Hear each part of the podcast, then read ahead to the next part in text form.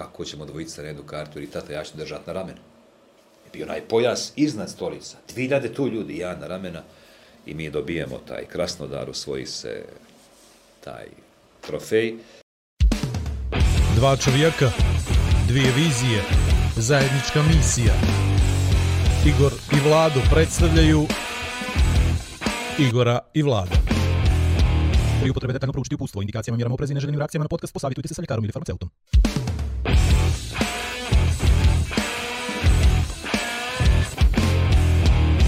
A da vi rečem... Sezona 4, epizoda 11, Igor i Vlado i Vlado podcast. Ha, spremao sam foru. Nije on Vlado ni Vladimir, nema veze, ajde. Ovaj, e, prvo da se zahvalimo svima koji su nas gledali. Oga je sad već u hiljadama pričamo. Tako moj. je, pričamo o hiljadama, to je već ovaj platforma jedna gdje moramo da pazimo šta pričamo i da ne promašimo padež, jeli, više puta. Pa evo danas izašao jedan lijepi, ne znam jesi pratio to dnevnu, dnevnu štampu vezano za citate. Jesi pročitao to? Jesam, to je E. super priča. Pa odlična je priča, moramo mi da pazimo, sad će početi nas da citiraju. To, to. I onda sad je ovo, već ovo neki novi, novi Vidiš da nisam ponovio za tobom ovaj, ni ime podcasta, ni koja je sezona, ni koja je epizoda, da bi sa što manje riječi skrenuli pažnju sa nas na goste. A jesi primijetio kako sam nekako pozitivan prema tebi, nema više onaj momena da te nešto gazim i to. I, Imao sam, imam osjećaj da je broj prikaza i pregleda utjecao na tebe. a imao sam briefing sa mojom boljom, ljepšom, snažnijom, pametnijom polovinom koja mi je rekla, Igore, moraš se ponašaš prema vladu kao prema sebi jednakom. Iako to on ne zaslužuje, zaslužuje, ali da. I onda ja s tim u vezi gajim prema tebi eto sad jednu Neku- posebnu simpatiju od ove epizode. Makar ovo I- sljedeća dva sata. Vidiš kako već je to na bolje. Meni je žao što nemam zube ko ti da se smijem tako lijepo prema tebi da misle ljudi da te volim. Ja, meni je žao što nemam osmijeh kao ti, pa da se više... I tako, ajmo mi na ono naše. Centralna tema danas bit će e, u ovo prvo četiri minuta Da. Evropska Superliga. Kao ti kao imač pojma za sve, ajde da A vidi- malo probaš. Ali jesi vidio kako nas je udarila ova slava po glavi, Ni- nismo se ni predstavili više. Tada ono, svi nas znaju po defaultu, znaš, svi znaju ko je Igor Majer, znaju ko je Vlado Perović i ne moramo da se objašnjavamo, samo sad pričamo, a ljudi nas citiraju. Evropska Superliga, kako ti Da. to kao imač pojma i kao neko ko je konzumirao dresove futbolskog kluba Barcelona. Barcelona, da, u nenormalnim količinama. Pa e, mene je iznenadilo, iskren da budem, nije me naravno iznenadila reakcija, ajmo ovako, još sam nešto naučio pametno, izvini. Moramo da objasnimo, moraš da objasniš što je Superliga. Dobro. Vjerovo ili ne, ljudi po dnevnoj štampi ne idu svakodnevno kao nas dvice, ne visimo po portalima. Znači sad moram tako da objašnjavam Sad moraš ono stvarno tehnički da objasniš što je to da bi mogli da damo komentar. Znači 12 apostola futbolskih se ovaj dogovorilo da napravi e, takmičenje u kojem će oni igrati i imaće čast i zadovoljstvo još osam ekipa da igra sa njima. Njihova namjera je da promijene dosadašnji koncept Lige šampiona i da naprave midweek competition, to znači takmičenje koje će se igrati mimo vikenda, odnosno tokom radne nedelje. Po ugledu na Ligu šampiona napravit će se dvije lige po deset, odnosno dvije grupe po deset, igraće svak sa svakim, napravit će se opet neki onda knockout sistem. U principu u, futbalu imamo mnogo više para nego što možemo da zamislimo i oni su a, jednostavno poželjeli da ta raspodjela novca bude više na njihovu stranu nego što je do sada bila. U stvari, ovo je reakcija na ono što je UEFA planirala, a to je širi format Lige šampiona sa 36 klubova u grupnoj fazi. Oni smatraju da i novac TV prava i ostale jeli, tantijeme na, na različite stvari vezane za futbolske klubove, jednostavno to nije podjela kako treba. Ne žele da igraju protiv lokomotive iz Zagreba, Steaue iz Bukurešta, lokomotive iz Moskve. Nego Partizana iz Beograda. između ostalog i jednostavno misle da je to ovaj da je to dobar koncept ja, ja mislim da oni dobro misle za sebe. E, pa vi- vidi, dobro, odličan uvod. Hvala kolega Peroviću, divno je bilo. Ja nisam se A- pripremao, možda sam mogao da sam Mogao si možda tehni, tehničkim, ali, ali ono što si rekao, 12 apostola zapravo se odnosi na Tehnički ti 12... otprilike 4,5 milijarde e, funti je u, u, u, Opticaj. u, opticaj za početak. Ali 12 klubova, 12, rekao si apostola, to su u principu tri kluba iz Španije, Jeste mi šest, iz uh, Engleske, Inter, Milan i Juventus iz Italije i to i je čeka to. se nešto na Njemce. Ne čeka koji se neće, Njemci? Njemci su odbili Odbili, zato što da. oni imaju drugačiji pristup zakon u stvari o, o futbolskim klubovima, njima je okvirno snaga u, u navijačima, odnosno aj sad mi pomozi sa biznis strane, znači vlasnički dio je kod, Aha, od kod navijača, navijača, navijačkih NVO i tako dalje. on, vidi, ono što sam ja, kako sam ja doživio tu vijest, kako sam, to je sad manje, manje bitno, ono što je mnogo meni bitnije, to je da je jedna ogromna većina, ogromna većina, kad to kaže, mislim, većina sama po sebi, jel, ali da su to kritički doživjeli i da su ljudi počeli da pričaju o nekim grobarima futbala i da to više neće biti futbal bilo je ovakav i ovaj, onakav. Na, na I nevjerovatno bilo je- kao futbal je umro, znaš. E, I nevjerojatno je da moje mišljenje, da nisam mogu niđe da ga pročitam i onda si ti bio kao tračak nade da nije sve izgubljeno i tvoj nije, post pazi, je to je- dobio smisao poslije duže vremena. U stvari počeo si Hvala ti. nekako da, da razmišljaš poput mene. Da li je to moj uticaj ovaj ka tebi ili jednostavno Nije- ja počinjem da ličim sreća, na tebe pa nije što je veća uticaj. što je veći možda To je teže, da. Jest, za okolinu tvoju. Ali zašto niko to nije shvatio kao način samo da da Pa mislim, klubovi licemjerni Ne. smo, ovaj, mislim, smo licemjerni od onih prosječnih navijača pa do tih nekih navijača koji žele da gledaju izvrsnost, a nisu navijački sentimenti, im nisu onako u prvom planu.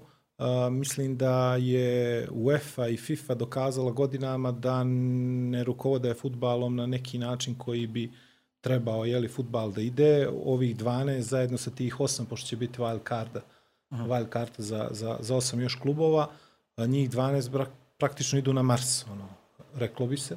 A ovo ostalo se bori za, za neki život u tim nekim granicama. Kad smo imali NBA ligu, imamo i dalje, po jednom određenom konceptu i projektu, nikome ništa ne fali, sve je to okej. Euroliga je napravljena u košarci, po jednom konceptu koji je sličan ovome, nije baš toliko elitistički, opet nikome ništa ne fali, svi gledaju košarku i košarka nije umrla, čak i življa nego što je ikad bilo, tako i futbal življi nego što je ikad bio, sa 20 klubova ili ne sa 20 klubova, više ili manje, futbal će i dalje da živi, i dalje će imati svoje heroje, idole, i dalje ćemo da pričamo neke lijepe priče, i dalje će taj Partizan, i Lokomotiva iz Zagreba, i Lokomotiva iz, iz Moskve imati priliku da, da naprave neki uspjeh. Problem je što se gledaju dvostruki aršini kad UEFA napravi ligu za male, ligu konferencija, da bi jednostavno taj glasački korpus ostao kod njih, onda je sve super i onda svi apludiraju kao, e, šetio se neko malih. Ali u stvari im je napravio zabran da dođu do Lige Evrope i Lige šampiona. Tako da sad kad se napravi, jednostavno napravili su pandan Ligi šampiona, nisu želi da igraju u tom okviru, pokušat će oni sami, oni misle da su moćni, oni misle da ima tu mnogo više novca nego što UEFA Pa dijeli. dobro, mislim da je pandemija de, Ali, definitivno e, znaš učinjela svoje, nekako je prelomila, možda ih i ubrzala Dobro, to, u tim odlukama. E, pandemija je vjerovatno ubrzala ih, ali šta je problem sa pandemijom? Pandemija je odličan alibi zašto su oni ovo uradili, znaš. Sad Kao to za je- sve, pričali smo E, o tome. Sad pričaju o tome kako će UEFA da kažnjava igrače da ne igraju na evropskim i svjetskim prvenstvima svoje reprezentacije i da će im praktično zabraniti da igraju futbal mimo tih okvira. Mislim da će to dobro i svaki sud za ljudska prava, pravo o radu, tržištu slobodno radi i tako dalje. Mislim tu nema šanse da prođu. FIFA je već nagovijestila da će oni to da razmotre ponudu i da probaju da pronađu kompromis, što znači da to... Vlado, ja to vidim kao evo, neku samo, samo, šansu. samo završim ovako. Platini i Blatter su tamo gdje jesu. Znači, neko nešto nije uradio kako treba. Da ne Jasno. pričamo o Kataru, svjetskom prvenstvu, koliko je izginulo ljudi na, na tim gradilištima, kako su se ranije dodjeljivala svjetska evropska prvenstva, kako su oni napravili sami koncept da se igra po 12 grado, u 12 različitih država, e, gdje svakoga boli uvo, da li ja kao, na primjer, navijač Crne Gore mogu da odem do Moskve da gledam utakmicu protiv Italije, pa onda treba da odem u Rim da gledam Crnu Goru protiv Slovačke. Mislim, to je nonsens. To znači, oni su pravili futbal za, kao na elitni turizam u Crnoj Gori. Slična situacija, apsolutno. Mislim, money talks. Vidi, u slučaju, evo ja samo kraj zaključim, u slučaju da FIFA stvarno zabrani ovim uh, futbalerima da se takmiče na FIFA svjetsko prvenstvo, ja to vidim kao šansu da Crna Gora uleti tu sa jednim dobrim A projektom i sad da su sve već te... počeli da prekraju tabele, znaš, ono, sad sve o, skidaju ovih 12 klubova Ma ne iz to, nego uzmeš igrače fino, ove što su banovani od toga, razumiješ? E. I od njih napraviš reprezentaciju, što ima i dosta sad. Portugalaca ovih pet liga, dosta Španaca, od njih napraviš reprezentaciju ugostiš ih na neku Crnu Goru, napraviš neko svjetsko prvenstvo za te banovane klubove. paralelu za ovo dvojno državljanstvo i ovo što se radi, jel? Nemam pojma o čemu ti pričaš. bilo, ja nisam do detalja čitao novinsku štampu u posljednje vrijeme, Dobro. ova, ali primijetio sam nešto oko tih. Da. Ovaj, ali što da ne, jel? Ja bi vidio šansu svemu tome. To, Ajmo- vidi, ajmo milijarda. ćemo. Može. Ajde. Da po kafu. Ajde, A, da, ajde, da ajde da pokušamo da, da uvedemo našeg gosta kao što smo uveli i prethodnog da probamo da ga nagovorimo da Igoru i sebi napravi po kafu i da ga pitamo za mišljenje za ovu Evropsku Superligu. Hoće Ovaj, imat mišljenje. Dami i gospodo, čast mi i zadovoljstvo što je sa nama još jedan vlado danas. Je da se zove Vladimir, ali, ali Ali, to mu ne može. mogu oprostiti, ali Ništa. Vlado, pokafu Samo jednu izvolite, meni i, i, i tebi i izvolite. dobar dan i dobro došli i bolje vas našli. Da. To je gore. Ma nema. Samo se Vlado malo okreni, izrotiraj da te kamera lijep si, lijep ti džemper, lijepa ti košulja. Da i ove žene oko napune konačno pored nas dvice. Ali ovaj, vidi ovaj... Kako je to, kako je to sve, sve interesantno, vidiš, dovedeš goste, oni ti spreme kafu, poslije ti dovedu slušalce, gledaoce, nove lajkove na Instagram, na Facebook, subscribere, znaš, sve je to Vidi, nevjerojatno. Znaš kako, posle one pametne priče morali smo sad da podignemo na još jedan veći nivo. Da. Da. imamo još, još jednu jaču dozu humora ovaj, s jedne strane, a i sa druge strane, kao što rekoh, realno Hvala. je da Đorđije, ti i ja nismo mogli da zadovoljimo apetite ženske publike. Jel tako? Saglasan, saglasan. E, a Vlado s ovim njegovim ledeno plavim očima i sa ovaj i sa tim modnim izrazom i, i, i sa smislom za priču i za šalu, mislim da ćemo sad ovo je već Ja, ja bi samo, ja bi samo... ovo su osnove marketinga, mogu vidi, ti reći. I ovo je dobro, znaš, dok je gost tu, ti pričaš o njemu, on ne može ništa da kaže, nema mikrofon. Ne, ne samo to, nego viš kako je full koncentrisan ga u golu vodu. Hoće li to mu- iz banog kako toga? moraš mu maramicu ćemo mu donijeti nekako. Ovaj, ali, ali, e, šta sam, e, na što sam htio samo da te zamolim nekako, sa Đokom si prošlo put, više puta rekao, a, ja volim da se vratim u prošlost. Aj, nemoj toliko da se vraćaš, jer sad Neću. ovo što sam ja čuo prije što se počelo ovaj, e, snimanje, vi od 83. četvrte ste krenuli, znaš, i mene nešto strah da sve ove baterije i kartice koje mi imamo, neće Nije, to do znaš kako, samo ti 2021. Kažem, vidi, pred sobom imaš čovjeka koji tako smisleno priča. Fluentno.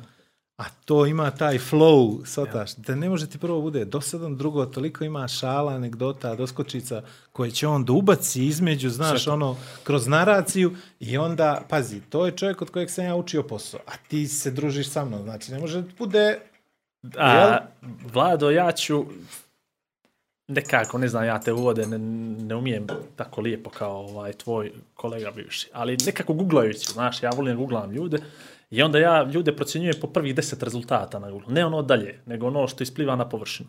I vidio su tu neke interesantne stvari o kojima ćemo kasnije pričati, a to je da nisam ni znao da si konfliktna ličnost izuzetno ovaj, da, da se dešavale neke stvari, si imao sukob sa zakonom i odnosno pokušali su da imaš sukob sa zakonom u Budvi, ali doći ćemo i do toga. Međutim, nevjerojatan jedan rezultat, ovaj, kad kucaš Vlado Jovićević, spada ti Vlado Jovićević i Vlado Perović istu rečenicu, znaš. ne valja to ništa. E, i ja rekao, to me interesuje. Znaš, sve ovo stalo, ajde. I neko je, ali ima taj post, neđe iz 2008. 9. analizirao je sportski komentator, ne, ne, ne mogu, sad se ne mogu ni sjetiti gdje. Na CDM Uglavnom- ima, Ne znam. na forumu. Uglavnom bio je Vlado Jovićević i njegov kole, kolega Vlado Perović. I kako ličite. To mi je, to je nevjerovatna, ovaj, nevjerovatna podatak bio kao i njegov mlađi kolega Vlado Perović. Ja sam u tom momentu shvatio da se vi znate, jel, od dosta ranije no što sam ja mislio da se ovaj znate i da onda e, zapravo je tvoj uticaj na njega dosta jači nego što sam ja mislio. I onda svo to njegovo suptilno nametanje tebe kao gosta mi sad je dobilo neki smisao. Pa, da vas pozdravim. Licu i, i, i, i, i sve one ljude koji će ovo da gledaju, jer dobro je da ste došli do, do te gledanosti što ste pomenuli preko hiljadu, jer da ne bude da, da posle ove emisije bude sve svoje gledalce lično poznaju. Znači, da nas bude e, koliko treba da bude. Do sad je bilo tako. Tako, jel? I Vlado, mi smo imali jednu teoriju, dok te familija gleda, to valja. To valja. E, jer oni te cijene, realno te oni poznaju. Onoga momenta kad familija prestane da obraća pažnju, a drugi počnu da obraćaju pažnju, to onda već dodvoravaš se nekim ljudima koji možda ne bi trebao. Znači, dok god je familija fokusirana na tebe, Hoće Igor da to kaže ima da smisla. smo dugo pokušavali da bježimo od popularnosti. Jest. A sad nam se desile i ne znamo što ćemo s njom. Ja sam vidio najavu za, za ovu emisiju, a nije sam uspio da odgledam cijelu sa prethodnikom, mojim dragim kolegom Đorđem eh, Kustudićem. I ona me najava malo zatekla. I ja je lično koliko god imam taj literarni dio u sebi, kako Vlado reče, valjda sam naučio za ovih 27 godina da pričam, mada je to i urođeno. I ta me najava oduševila. Tako da, on je u kombinaciji s jednim našim sjajnim momkom i kolegom, čuo sam poslije to, to napravio tu, tu, tu najavu. I sad, da ne, da ne bude ono kliše i, i čast mi je da se pojavim tu. Normalno je da, da je lijepo da te zovu drugovi, da se možemo ispričati, da se možemo našariti, da sve one teme koje treba u ovom momentu ili sam, nam se čine bliskima, da ih, eh, kako to političari kažu, elaboriramo na pravi način, jeli? I ja se nadam da ćemo se lijepo ispričati. A nas dvojica se znamo i ličimo se, posebno se ličimo neđe od 2009. 10. jer njemu se je... ono brijao, ja? On je došao oktobra, ja sam ga baš pitao, 2007. Znači dva mjeseca pošto sam ja počeo. Hoću reći šest. Šest. Da. Imao je kosu, da kažem. Ja sam imao rijetko lijepu kosu, više rijetko nego lijepu, on je imao. E, međutim, valjda je to bio taj neki sindrom tog stadiona budućnosti tamo i tog dijela. Oćela avion, tako da slobodno smo mogli raditi ili da me mijenja ja njega ili on mene da pošaljemo neđe na neki događaj. Vlado je stigao kada je bitno prezem, ja? I mislim da su ti komentari upravo za 2008 na devetu ili 2007. na osam, mislim da je osma na devetu, Bundesligu kad smo, kad smo. A sve što smo radili je bilo uslovno rečeno avangardno. Trenik je prve godine ta premijer liga koja je bila pala što se tiče interesovanja, ona je tek kupljena od treće kola je počelo da se, ja sam debitovao na Blackburn Chelsea, sjećam se 1-3, onda su nam je oteli dali bolju finansijsku ponudu, mi smo je razradili, to je ono kao kad podigneš dijet, ono prohoda, progovori, dođe neko i samo ti ga uzme. Najteži dio posla odradiš ti. E onda smo kupili Bundesligu, desio nam se prvo, mislim, Hoffenheim kao jesenji prvak, a onda Džeko i Grafite. Wolfsburg, i ljudi su bili prinuđeni, e sad jesmo li nas dvojica doprinili tome, jesmo neđe sigurno, normalno je da te ne vole svi, i potpuno je neprirodno. I uspjeli smo da, da ispratimo tu ligu na način kako smo to ispratili, sve je bilo lijepo, imali smo Bogu mi po ponoćnih prenosa, gdje smo više zijevali, spavali, sjećam se utakmice, ja krećem za Beograd ujutro me avion na, na, na Kukuta Santos. Kukuta Santos 0-0, znači, evo, nek mi ne bude zamjereno da su Dejan i Saša Matić igrali tu utakmicu, bilo bi interesantnije, više bi imali osjećaja da, da daju loptu, da daju go, nego ovi 27 momaka iz Meksika i ovaj Niđer, I tada smo, doduše on je bio car tih mreža, tih kompjutera, on je uvijek to imao malom prstu, ja sam ona stara škola, kako sad to kažu, modern old school, jel? Avantgarda. E, ja, e, Old school. ja sam umio samo od kompjutera da me nuče ovako od dolje, da, da ona... Da ga izvadiš struje, e, da ga. Stalno sam pitao po redakciji kako će ovo, ajde nauči se više, ne mogu ja da se naučim, to je tako.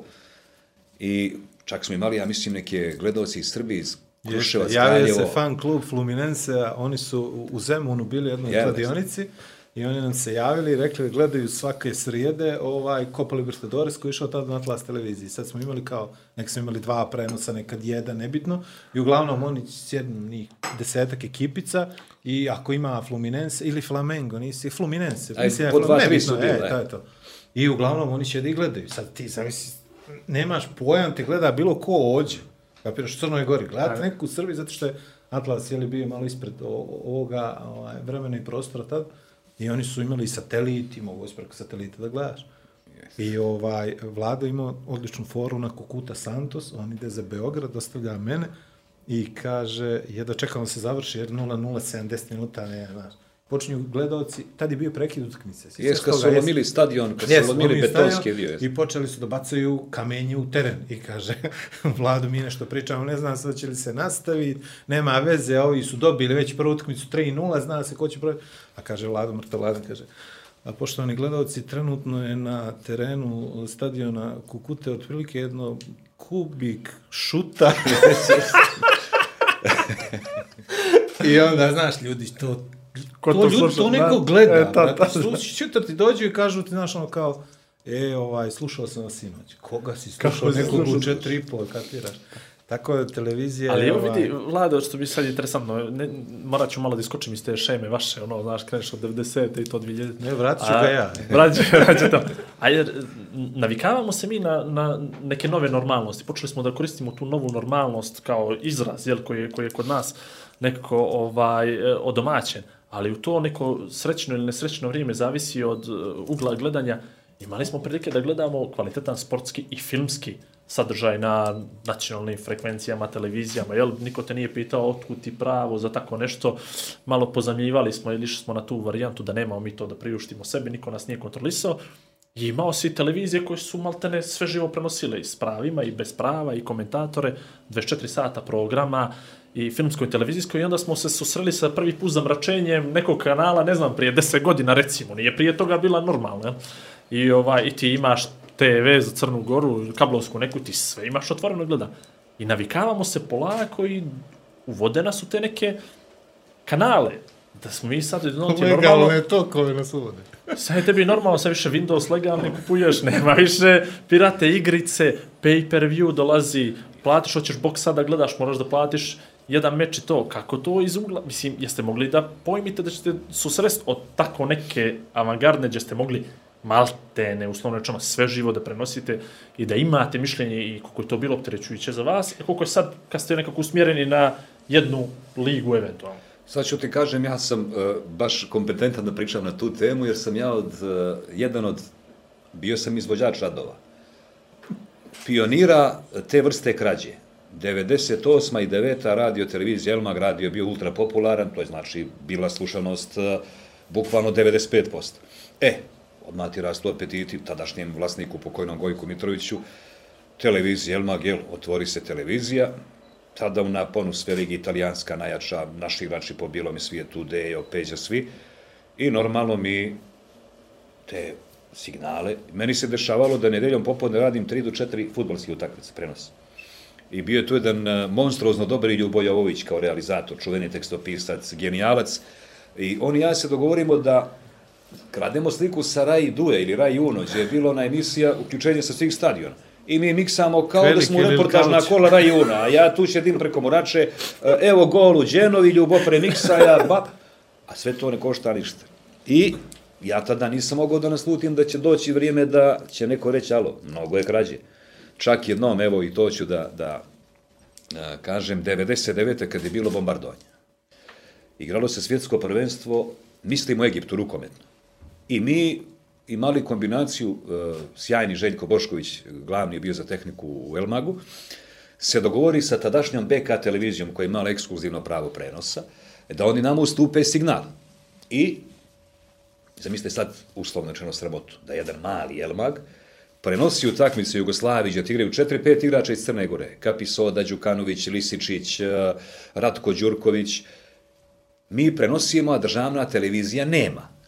I ide onaj logo gore, El Mag, ja radim te prenose, a državna televizija uzima sliku iz eh, El Mag. I kako sad onaj logo u gornji lijevi ugao, oni pokriju onom pločicom. I dolazi čisti signal, nažalost pokojni moj omiljeni kolega Ranko Jović je prenosio. I meni drago što su oni uzeli, ja njih nisam nikad smatrao konkurencijom, evo i danas sam tamo, danas jedem hleba iz te kuće, naprotiv, uvijek sam ih doživljavao kao svoje. Gledao si to kao priliku, kao Pa, tada sam, tada sam, 98. sam ja imao ugovor na stolu kod Veša Čovića koji je bio glavni odgovorni urednik. Ranku me doveo, treba nam, znam da nam treba sjutra da potpišem, da pređem tamo.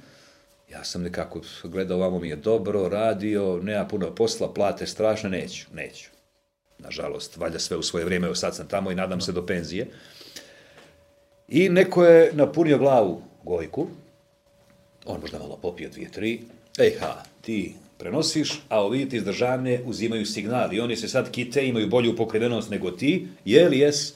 On ti iz kancelarije zda naredbu realizatoru, vidiš onaj logo gore, svakih 5 sekundi gore, dolje, lijevo, desno.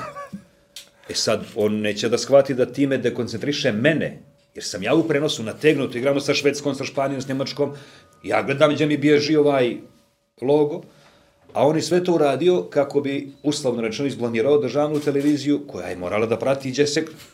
Mi tamo lijevo, oni pokriju, mi desno, on ide. Šutra, šutra u, u vijesti Saša Jončić, kolega na slov, ćeranje po uglovima. Zove me Ranko, on laka mu crna zemlja, što mi napravi? Ja ti rekao, ja nijesam, djece mi moje, kako ti mogu ja napraviti, ja bi ti dao života, ne onaj, nego su i ludaci koji su bili tu. Tako da je ta krađa bila, na kraju se stalo sve, mi smo se opučali. Ali neće bilo i lijepo da ti imaš priliku da ti sa 3, 4, 5 godina radnog staža što ćemo ono čas Real Barcelona Liga šampiona, ajde radim, ali ti dođeš, radiš kao da si na stadionu. E, a to mora da košta, kad ta dođe na naplatu. Ja mislim da, da oni sad uzmu obračun i da te utakmice što smo mi na Elmag ukrali, da bi mogao jedno lijepo naselje u Podgoricu da izgradiš koliko je tu bilo sve sportove. Prvenstvo Evrope u košarci 99.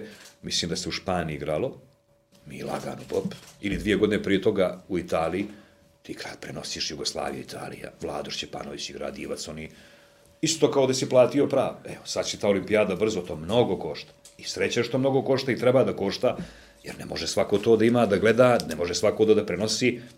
Nažalost, e, ljudi neki sebi daju previše za pravo. Ne može svako da komentariše ni mene, ni tebe, ni njega, niti ja mogu svakog kakav je ko čovjek. I obično ljudi imaju tu neku pogrešnu percepciju da ja sad učim, e, Ronaldo je trebao da šutne lijevom ili što je najčešće sindrom, e, često sam po kafana, 90% svog vremena, jedan meč ako izgubi Novak Đoković. On je najbolji teniser svijeta, gdje ima 8 milijardi stranika, evo on ga je pratio u početcima njegovina Serbian Open, izgubio jedan meč i Podgoričani, kako mu je Beckhand oslabio, on, on ne, ne, reke tu zelo ruke niz. E to mene boli samo. Drugo, pričajte što hoćete, ne vrijeđajte i to ja kažem, to je kad tad moralo da dođe na naplatu i dobro je da se zna. Ja se sjećam, eto sad je prošlo tada 14 godina, da je Atlas televizija tada kupila englesku ligu za danas smiješnih 90.000 eura za godinu. Od čega smo Vlado i ja imali subotom dva prenosa, nedeljom jedan ili dva. I highlights ponedeljkom koji su bili ultra gledani. I najavu iste lige. I najavu lige, a na to smo sve naslanjali sjajno sportsko poslijepodne, e, Atlas Weekend Sport se zvao, subotom i nedeljom, sa pet mnogo dobrih i lijepih koleganica, imali smo gledanost neviđenu. Sve to košta na godišnjem nivou 90.000. A sjećam se da je 2011. kad sam otišao, ili 10. u Beograd, nešto da radim za arenu, da je tada sport klub, evo, nek me ne bude zamjereno ako promašim u milion. E, za tri godine sam ja tada dobio informaciju, platio englesku ligu 9 miliona i 600 hiljada eura. Sad je puta, puta tri. Eto, znači, i meni tada urednik moj, jedan vispreni čovjek, Vešo Čović, kaže, Vlado, izgubit ćemo ovu englesku ligu.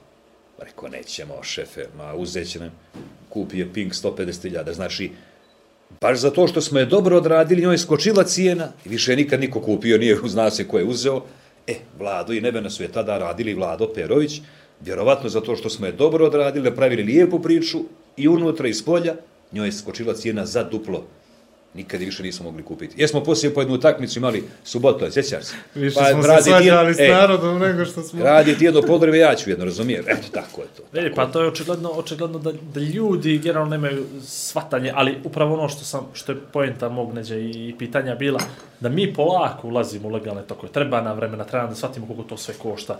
Ovo što na početku epizoda što smo počeli da pričamo o ovoj novoj super ligi, ligi, je, da je sve zapravo, zapravo sve u, u novcu. Misli kao, jel, sve u životu, 3 milijarde dolara sam čuo da je ova banka JP Morgan ušla u to kao glavni sponsor. Da, mi pričamo nečemu smo krenuli s para. što ne možemo što ne možemo da pojmimo i, i da zamislimo. Nas I onda je teško je... nego te prekidoh. Evo ti plastičan ne. primjer za ove vakcine, ovo sad što je ja sam neko ko ima naglašenu svijest o tome da ne volim da povrijedim nikog oko sebe. A kamoli da ga ne daj Bože smrtno ugrozim, to, od toga se užasava. Imam roditelji koji su već u godinama 74, 69, tata diabetičar, majka je dva puta operisana od karcinoma na svu sreću, evo, prošle 20 godina super je. I neće sam imao najveću odgovornost da njih ne nagrdim. A onda sve ostale, jer sam neko ko se dosta kreće. I pojavila se priča oko vakcina, te hoćemo, te nećemo. Najglasniji su bili ljudi koji nisu ni prošli pored srednje škole, ne svraćali o nju. Oni najviše znaju. Odlično, super. Ja sam kao dijete čuo prvi put za univerzitet Oxford, to mi je ostalo neđe u glavu. I vidimo, oni su napravili vakcinu. Što ja ne bi verovao struci. Desilo se prije dvije i po nedjelje da su novinari imali mogućnost da se vakcinišu, jel?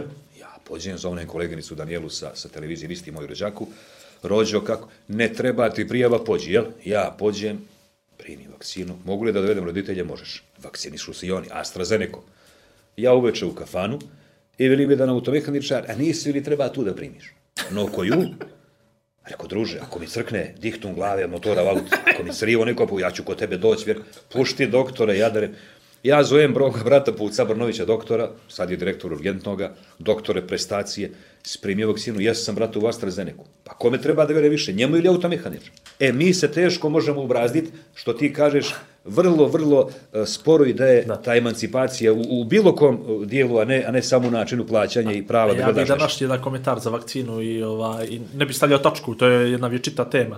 E, Danas je bio komentar ispod jednog teksta na jednom portalu, dakle anonimno rekao je čovjek dva put sam već bolovao koronu, oba puta kao lagana neka prehlada, a znam, na primjer, dvoje što umrlo od vakcine. I To je to. pametno me dosta. Tako se uglavnom to jel, zaključuje. I, ovaj, mi smo, evo, sa ponosom, sa ponosom, sa ponosom, slobodno vlado je prvi se vakcinisao od nas dvojice, ja se drugi, jel, mora, kad čim ovaj pobjedi, ali oboji smo vakcinisani, nestrpljivo čekamo revakcinaciju, uvijek koristimo svaki trenutak prostora da mo- motiviš, ja ne znam kako to drugačije da kažem, ne da Baš objašnjavamo, nego da motivišemo, termin da motivišemo ljude da to Treba da urade, moliš to- nekoga za njegovo zdravlje da to, uradi, ti to da ga to, moliš, to ili to, ja. to je to, to je absurd. A mi koji smo ste primili vakcinu? AstraZeneca.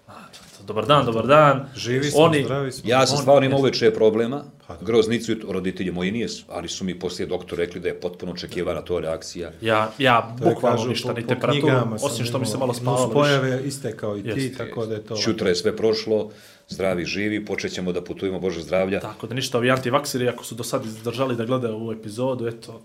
Idemo dalje. Idemo dalje. Igorovo omiljeno pitanje, u stvari moje omiljeno pitanje, Igor se ježi od toga kako uopšte je došlo do momenta da, da, da želiš da se baviš sportskim komentarisanjem, sportskim novinarstvom. Znam da si bio briljantno dijete, dobar u školi, da... A interesantno, poslije ove priče neke sa Đokom, kad sam napravio onako na prvu neki mali skener što se tiče sportskih komentatora i, i novinara, a ne ubrajam tu mene, svi su nekako bili briljantni učenici, svi su nekako imali e, široka i raznorodna onako interesovanja i ti uopšte tu ne, ne, ne, ne izostaješ, čak bih ja rekao da si ti onako s potencijalom daleko iznad, iznad grupe. Ja sam uh, počeo, je interesantna priča, 78. osnovnu školu sam pisao Maksim Gorki, a iste godine moj tata uh, počeo da studira višu medicinsku u Igalu. I ja sam kao dijete volio sport. Šta više, imao sam problema recimo sa majkom i da je spust. Pratio sam i skijanje sve. I među prvima smo, da se pohvalim, nešto smo bili bogati, nego je, su svi bili bogati, smo kupili onaj televizor u boji. To obično se prije nije ga imao svaki deseti stanovnik, pa idemo čoporativno da gledamo. I gledam spust, sad ona grafika nije bila savremena kao danas. Ali ja sam imao svoju svesku, kon radim katomen, startni broj, šest, pirmicur, brigan, ja obilježim prolazno vrijeme i majka mi kaže, ste vi bolestan ti mali, pišete li ti tu, što ti je rekao meni? Dobro. To je sveska koštala dvije marke, ispuni se za 3-4 mjeseca, nebitno. I uvijek sam volio uh, taj sport, igrao non stop, što danas ne mogu da vidim iza zgrade, ispred zgrade futbala, košarke. Nažalost, nije sam bio dovoljno talentovan za neko vrhunsko bavljanje sportom. Imao sam tatu koji je na vrijeme prepoznao da su moji gabariti ili potencijali na nivou Titeksa ili Zabila, to je znači Crnogorska liga, ti je gornja granica. I pratio sam sport, pratio, bio, ha, zvari su enciklopedija. Taj neki prvi susret s kamerom se desio 83. Snimala se serija Pješaka u automobilu, uh, osam epizoda po 40 minuta. To je bio jugoslovenski projekat i ja sam bio u školi Maksim Gorkom. Došli su sad iz televizije Crne Gore, bukvalno banuli na čas. Tehničko smo imali. I neko im se svidi, neko im se ne svidi, ta ekipa došla, producent, redite, ljudi od struke. Iz dva, tri put su došli, da bi četvrti put došli na čas srpsko-hrvatskog jezika kod moje razredne pokojne Radovike Đuranović. I ona kaže, jeste njega, kaže, uzeli? Ne. Nije nam, nisam im pa uč. Aj, kaže, probajte njega, mislim da nećete pogrišiti. Da izrecituješ pjesmicu, ja izrecitujem, dobro. Oni ubilježe ime i prezime. E sad, iza Maksim Gorki je bio čuveni poligon, možda i kultni poslije onog stadiona pod Goricom, gdje su najbolji utakmice se igrali malog futbala u bivšoj Jugoslaviji. Znači, Željko Gašić, pokojni, Grnja Bojanović, Dejo Savićević je tu volio, što, znači, Caco Ljumović, svi majstori su tu igrali. I ja, kad se završi škola, neću kući, sjedim i gledam, uživam. Ne mogu da igram na tom nivou, ali mogu da gledam. Dolazi bili golf, parkira se jedinica, ajde s nama. E sad, je s nama, rekao, otmica 100% neka. Ja jednu kariranu košulju, Gdje s vama što, ajde, kaže s nama, ja se prepostraš, on je mene ubačio auto i u njegov šepark. Slikaj glavu ovako, onako, iz sto uglova. Što me rekao, vi ljudi pripreme što je ovo? Vrate oni tamo gdje su mi našli i saznaju podatke o roditeljima, gdje živimo i dođu kući. Mi smo došli, pričali s roditeljima, oni nama zapao za oko, interesantan je, ima pet tih dječjih uloga glavnih, jedna je namijenjena njemu. Snimanje će trajati pola godine, odsustvovaći škole ili ćemo mi to da riješimo, on je odličan đak, neće imati problema. Znam da smo tada i dogovorili cifru koja je bila iza današnje prilike lijep. Ja, četvrti osnovne, odjednom sad sam ja zvijezda prelaznog roka, tata se već računa, od tih para ćemo ovo, ćemo ono, vidim, reko ja računam. Ovdje Mariju na zastavu. malo. Ja rekao, imam jedan uslov da mi se samo kupi do poni bicikla od tih para i drugo me ne zanima. Oni su meni donijeli scenario i ja nisam znao kad će biti prvi dan snimanja. Ja sam pošao daleko od kuće, od preko Moračeđa sam živio, do sportskog centra da igram klikera. Igrao sam klikera, a dobro i volio. Potraga je bila za mnom, nije bila mobilnih, gdje ga je, nema ga, te folklor, te dođu uh, jugom. Gdje si, mali, tražimo te cijel dan, ja pretrno što. Počinje snimanje, prva scena snimanje u Tološe, jedna scena gdje sam snimao sa ovim malim Stankovićem, a njemu je majku u seriju glumila Gorica Popović, čuvena glumica. Meni je otac u seriji bio Boro Begović e, pokojni, tu je bio Taško Načić, Danilo Lazović, Drago Čuma, Veljko Mandić, jedna prelijepa žena Perica Martinović, sjajna ekipa. I zamisli sad ti kad sa 12 godina, 11 i doživiš da si šest mjeseci s tim ljudima po cijel dan. Ljudi koji su ti bili doli, koji gledaš, mazete, daju ti pare, vodete. I ja sam tu valjda taj strah od kamere razbio, to je posle bilo, da bi ljeta 94 mislim da su imali neki ispit na ekonomiji, nisam bio opšte briljantan student, naprotiv, upisao sam je, ali dao sam godinu i po i ljeto je bilo i mi smo igrali lore u, u baš velika vrućina kod Veska Jovićevića, mog rođaka na stanu. Sad igramo lore u vodu, ko će više vode da popije, nebitno. Ko će je bio- manje da popije. Ko će manje. I taman je bio počeo radio Magdona i sad se to već 94. Ide oglas koji mi čujemo slučajno. Kao, ako ste mladi, lepi, talentovani, trtale, Na vrtale, na, ide kako, to, e, kako mu promijeni, a? Ako ste mladi, Pa, lepi. On je veli, ovo je za tebe, Đe rekao za mene, ovo je za tebe, prijavi se, jel? Ja, deset rečenica, ponesem tamo, oni mene zovnu, dođem, bilo je tih 200 i nešto kandidata. I sad su oni to napravili u osam grupa po 25-30. Razgovarali smo, ja kad sam ušao i tada je Marina Bukvički, ova što je jedna od voditeljki bila, ja o Zorane vidi ga što je lep, on kolege reklo. Pa rekao, jesam ja na casting neki došao ili da ona... Sedi bre tu, kaže. Priča neka, dobro. Obavio oni sa mnom razgovor. Doviđenja, zvaćemo, svi vas nećemo zvat. Poslije 5-6 dana zovu da dođemo opet. Nedelja večer je bila. Vidim ja ukupno nas 12. Božo Bulatović, Brane Knezović, Dražan, Dubravka Drakić, ja mislim da je glumica bila. E sad oni od tih 12 prozvali šest. Među njima me nije bilo. E, rekao, od pasa nema veze, taman da se vratim na ekonomiju. Međutim, dolazi do obrta ovih šest što su pročitali, oni se zahvale na, na saradnji, na šest zovnu. I ona mi kaže, ti kaže, sutra ideš u program. Kakav rekao program? Sutra ideš u program. Mi smo Boža čuli, pali smo sa stolice. Od tebe, kaže, nismo pali, ali to je dovoljno, ja sam ti... Ja rekao, u program ću sutra da. Ono, dva, tri dana, pet oglasi, čitaš, to malo po malo, malo po malo. E, onda je to dobilo neku ozbiljniju dimenziju, ja sam počeo da radim po dvije, tri smjene nedjeljno, ali nije to meni ispunjavalo da ja radim narodnu i zabavnu muziku, nisam vidio sebe kao DJ, a to ti bukvalno jedna vrsta modernijeg DJ-a bila da ti pri... Nego, ja rekao da ubacim malo sporta. I ja dam sinopsis ponedeljkom i subotom emisiju po, po pola sata, Sport Flash se zvala.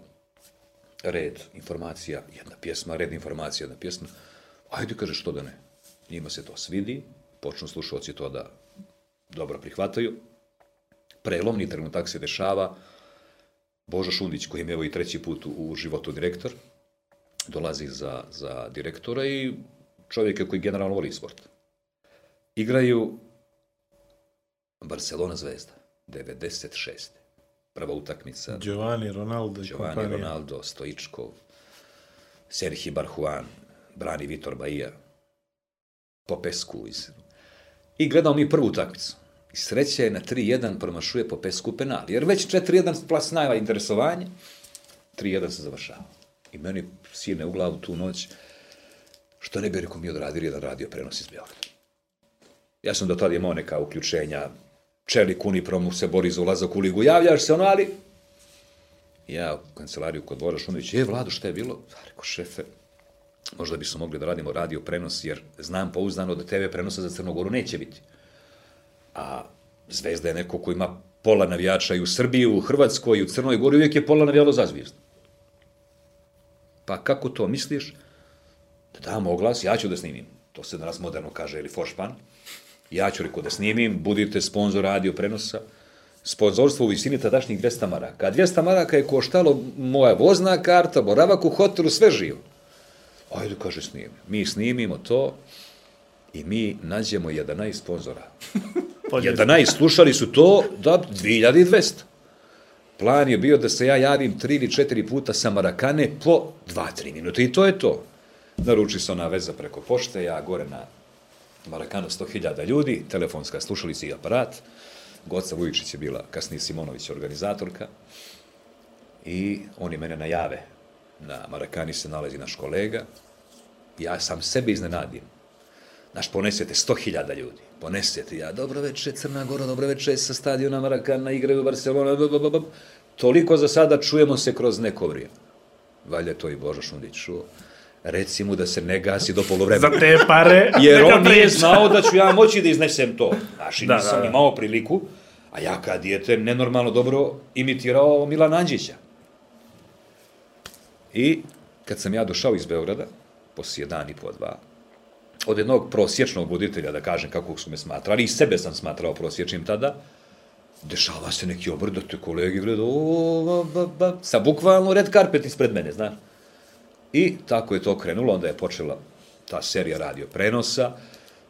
Tada nije bila televizija dominantna kao danas, eh, nije bilo live streamova, nije, nego je radio bio majka.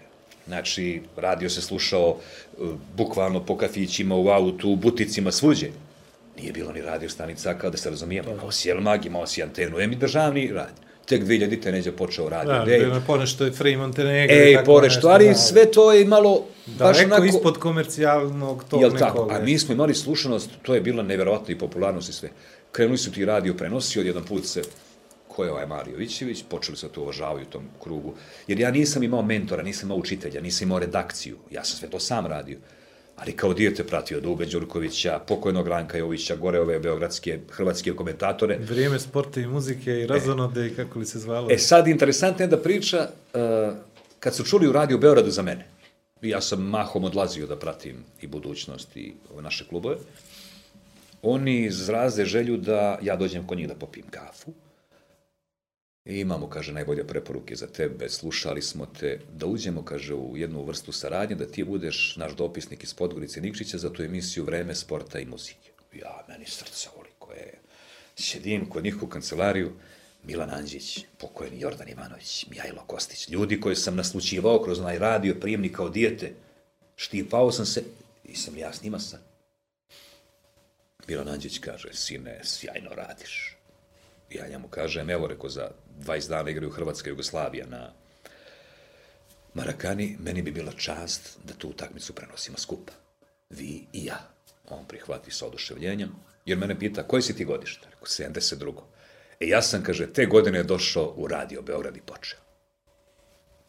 Hrvatske Jugoslavije, 100.000 na Marakanu, ono čuveno gašenje svijetala, radimo prenos, on i ja. Kuneman su sve što imam, poslije prenosa on meni kaže, sine, ti si bolji od mene. Moga si mi dat Beograd u tom trenutku, meni ništa znači da nije. I onda je počela Elmak televizija, ljudi te i vizuelno primjećuju i to je sve dobilo neke obrise ozbiljnijega. Krenulo je posle, e onda već 2006. me zvao Srđa Filipović, sa kojim sam prelijepo sarađivao u, u, u Elmagu, zvao me, ja završio jutarnji program na, na, na Elmagu, a bila loša situacija finansijska, već posrnuo mediji kao mediji, Tako je. malo i politički za strani, i onda te ljudi svrstavaju, znaš, kako njih moći. I dan danas to, ali nema veze. Šta radiš, evo, reko, završio, hoćeš doći, kaže, do Atlasa da popijemo kafu, hoću. Pokojni Vesko na zdravlje nama, duša mu carevala, ja kažem Tomović. Zvali smo te zbog toga i toga, jel? Što od mene tražite? To, to, to i to. Što nudite? To, to, to i to. Ostalo je da minuje Knežević uveče, jel? Došli smo i on meni kaže, e, kaže, ja sam pričao sa Veskom, sve je to super, sve je to. Aj, kaže, pričaj malo o sebi. Rekao, nema što ja da pričam o sebi. Vjerovatno me je nešto preporučilo da me ovi ljudi zovnu.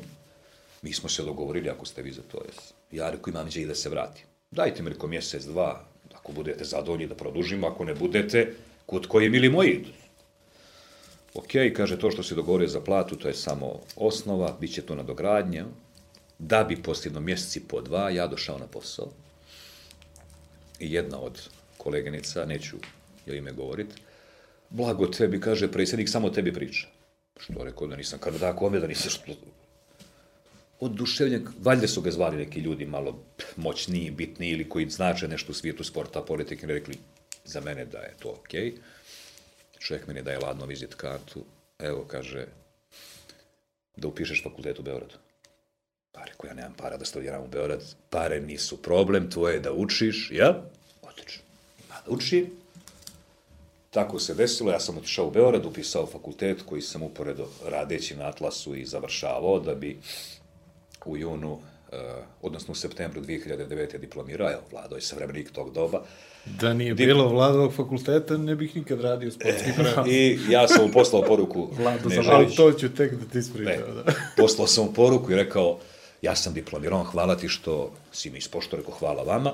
Taj fakultet mi nije pomogao u smislu nekih novih saznanja u poslu. To se rodiš s tim ili ne, imaš taj gen ili ne, imaš neku nadogradnju kroz život, srijećeš se sa nekim novim izazovima, ali mi je pomogao u birokratskom smislu da u momentu kad sam ostao bez posla, ne samo ja, već 38 kolega u Atlasu, da nisam imao to završeno, ne bih mogao da dobijem posao u Ministarstvu odbrane u PR službi, ne bih mogao da dobijem rješenje e, o poslu na neodređeno u javnom servisu, gdje sam sad, tako da, mada danas, gledano kroz neku statistiku, danas je fakultet završit kao nekad srednju školu prije 25 godina.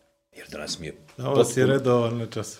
Eto tako. Znači, da ima fakultet, ima Bogom, ima fakultet, tako no, bilo je prije 40-50 godina, ima, ima gimnaziju, a? To Višu, a višu, Višu, kada je višu je bilo, tako da eto, to je samo te birokratije, to je taj neki moj početak, poslije je sve bilo.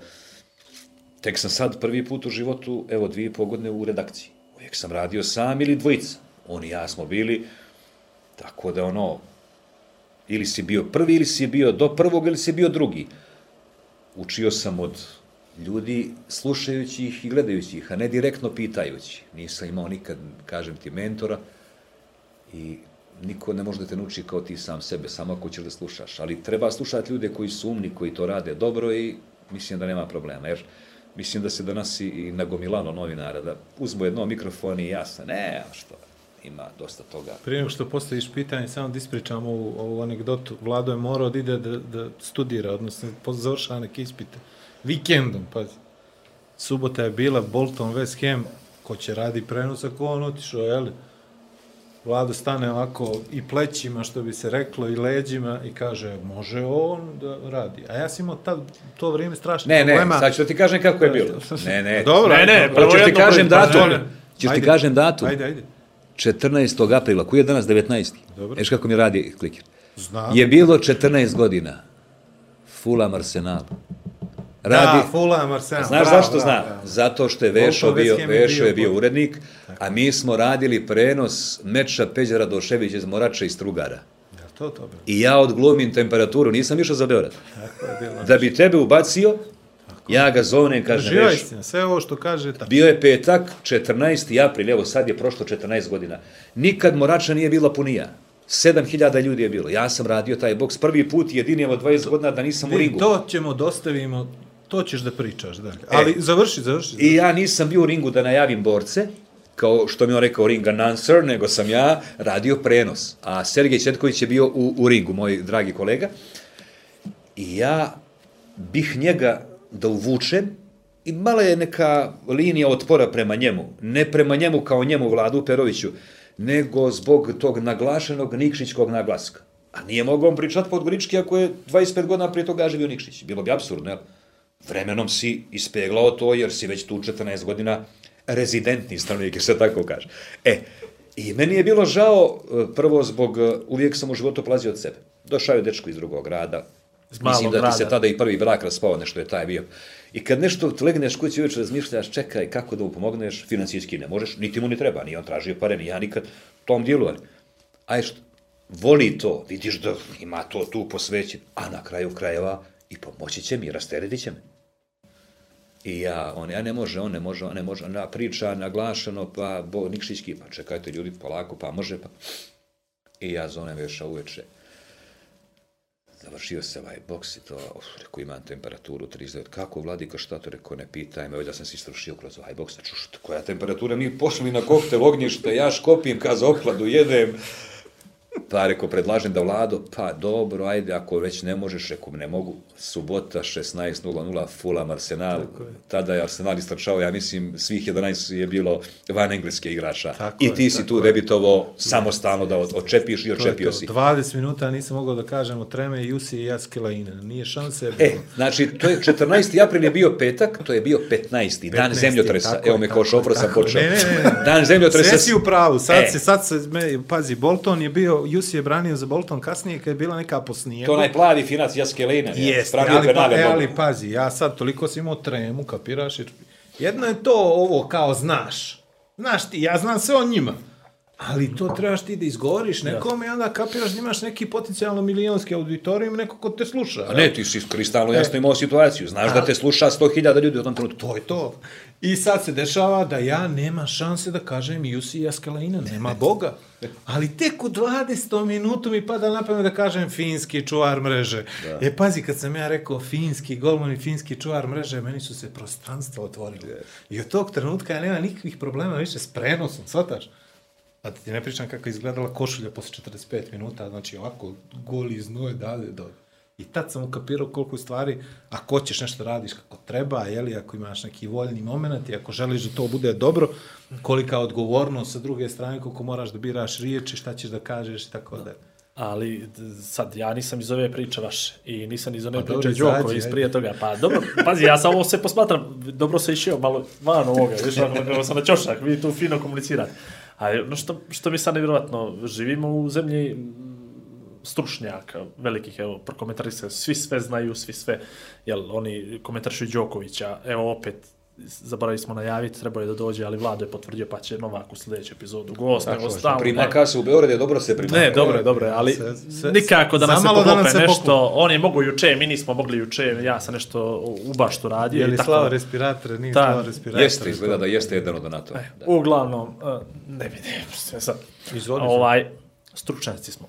Kako je pred takvim auditorijom govori, znate da te oni posmatraju, seciraju svaku tvoju riječ, definitivno analiziraju, a ponovo imaš nešto da komentarišeš poput futbalske utakmice koja traje ne 90, nego aj 90 minuta, gdje se malo što dešava, generalno, pogotovo neke malo, jel te, lošije utakmice, naspram rukometa, gdje, jel, malo, malo samo da čitaš ko je dao tipa, gol. tipa Bochum Hanover, jel? Ili tako nešto. Ti, e? ne, kaže, na rukom je samo ko je dao go, ko je imao šans, pa eto, ti, ispunjeno ti je vrijeme. Ne moraš da komentarišeš, hvala Bogu, dobro je e, sve ostalo, ali kako to je sad on pokušao, ja pokušao njegovu kožu da stavim 45 minuta, 45 ne 10, da pričam o futbalu, bez obzira o znanju svakom igraču i biografiji njegovoj, ali nekako sve to složit, postoji li neka šema kojom se rukovodiš, ono, na prvi 10 minuta ću lagano, pa ću malo zahukta, pa se onda vrati malo na 25 minut.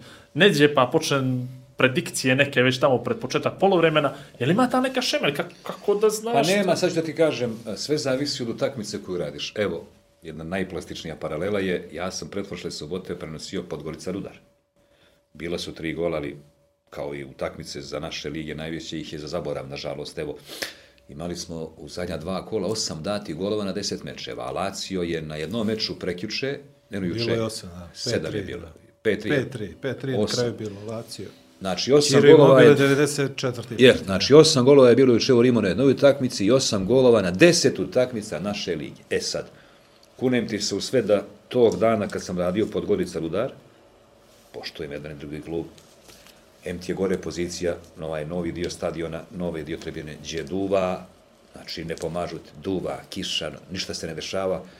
Htio sam platu mjesečnu dati, samo neko to da preuzme. A onda ti se desi četiri dana poslije toga da gledaš Paris Saint-Germain Bayern po snijegu.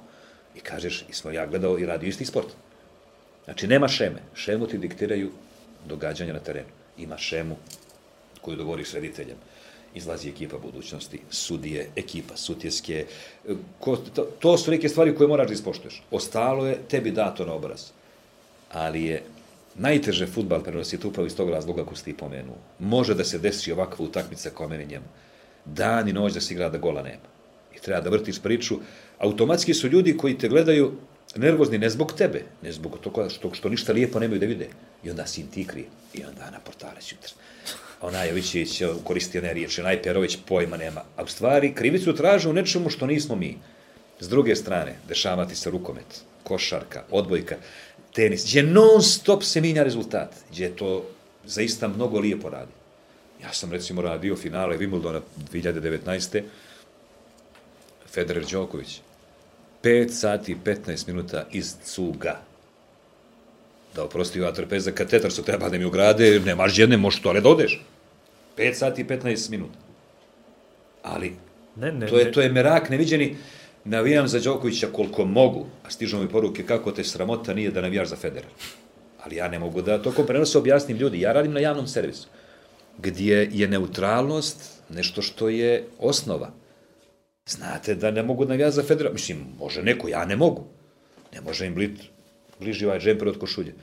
Ova ima dvije meč lopte, Jano. Znači, e, koliko god je to trajalo, 5 sati, 15 minuta, nikad veće zadovoljstvo.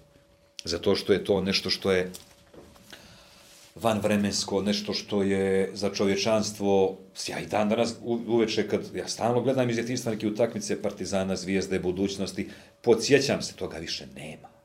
Sad pamtimo košarku po tome da je Nebojša Čović prekinuo struju 26 sekundi prije kraja. Toga nije bilo prije. Zakrvili smo se zbog čega? Znaju Hoće- ko je, a? Hoće li to Zvezda? priča. Pa jedina kutija. Tako je, gdje su bila reportažna kola. arene, arene nju su isključili. Da ne bismo vidjeli faul, mora se vidjeti. On je posao završio, evo, Zvijezda će najvjerojatnije biti prva. E, to su neke stvari, zato ti kažem da nema šeme, to je ta takozvana novinarska ekvilibristika, gdje se ti snalaziš, ne snalaziš, neko ima ljepši glas, neko više voli internet, pa govori o ovome, o onome. Sad je to, eh, što bi rekli stručnjaci, simplifikovano dugme. Igor Majer, sve o tebi. Na... A prije je bio problem doći do informacije.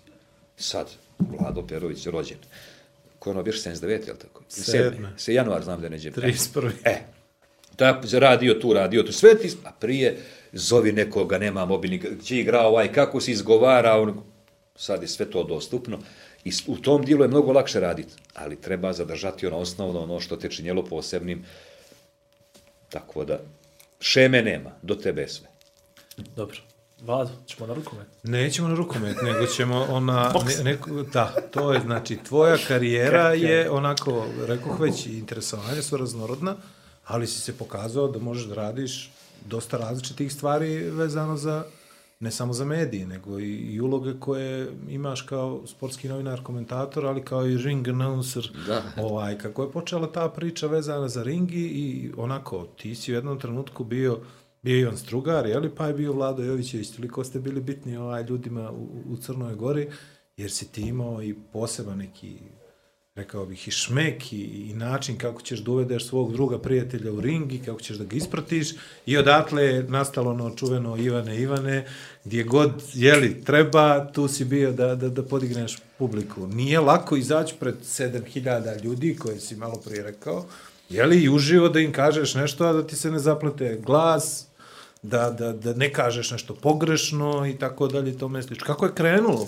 Ko te vidio u toj ulozi? Boba Nikić me vidio. Boba Nikić me vidio, a to je, mislim, prvi put 99. je bilo, prije 22 godine.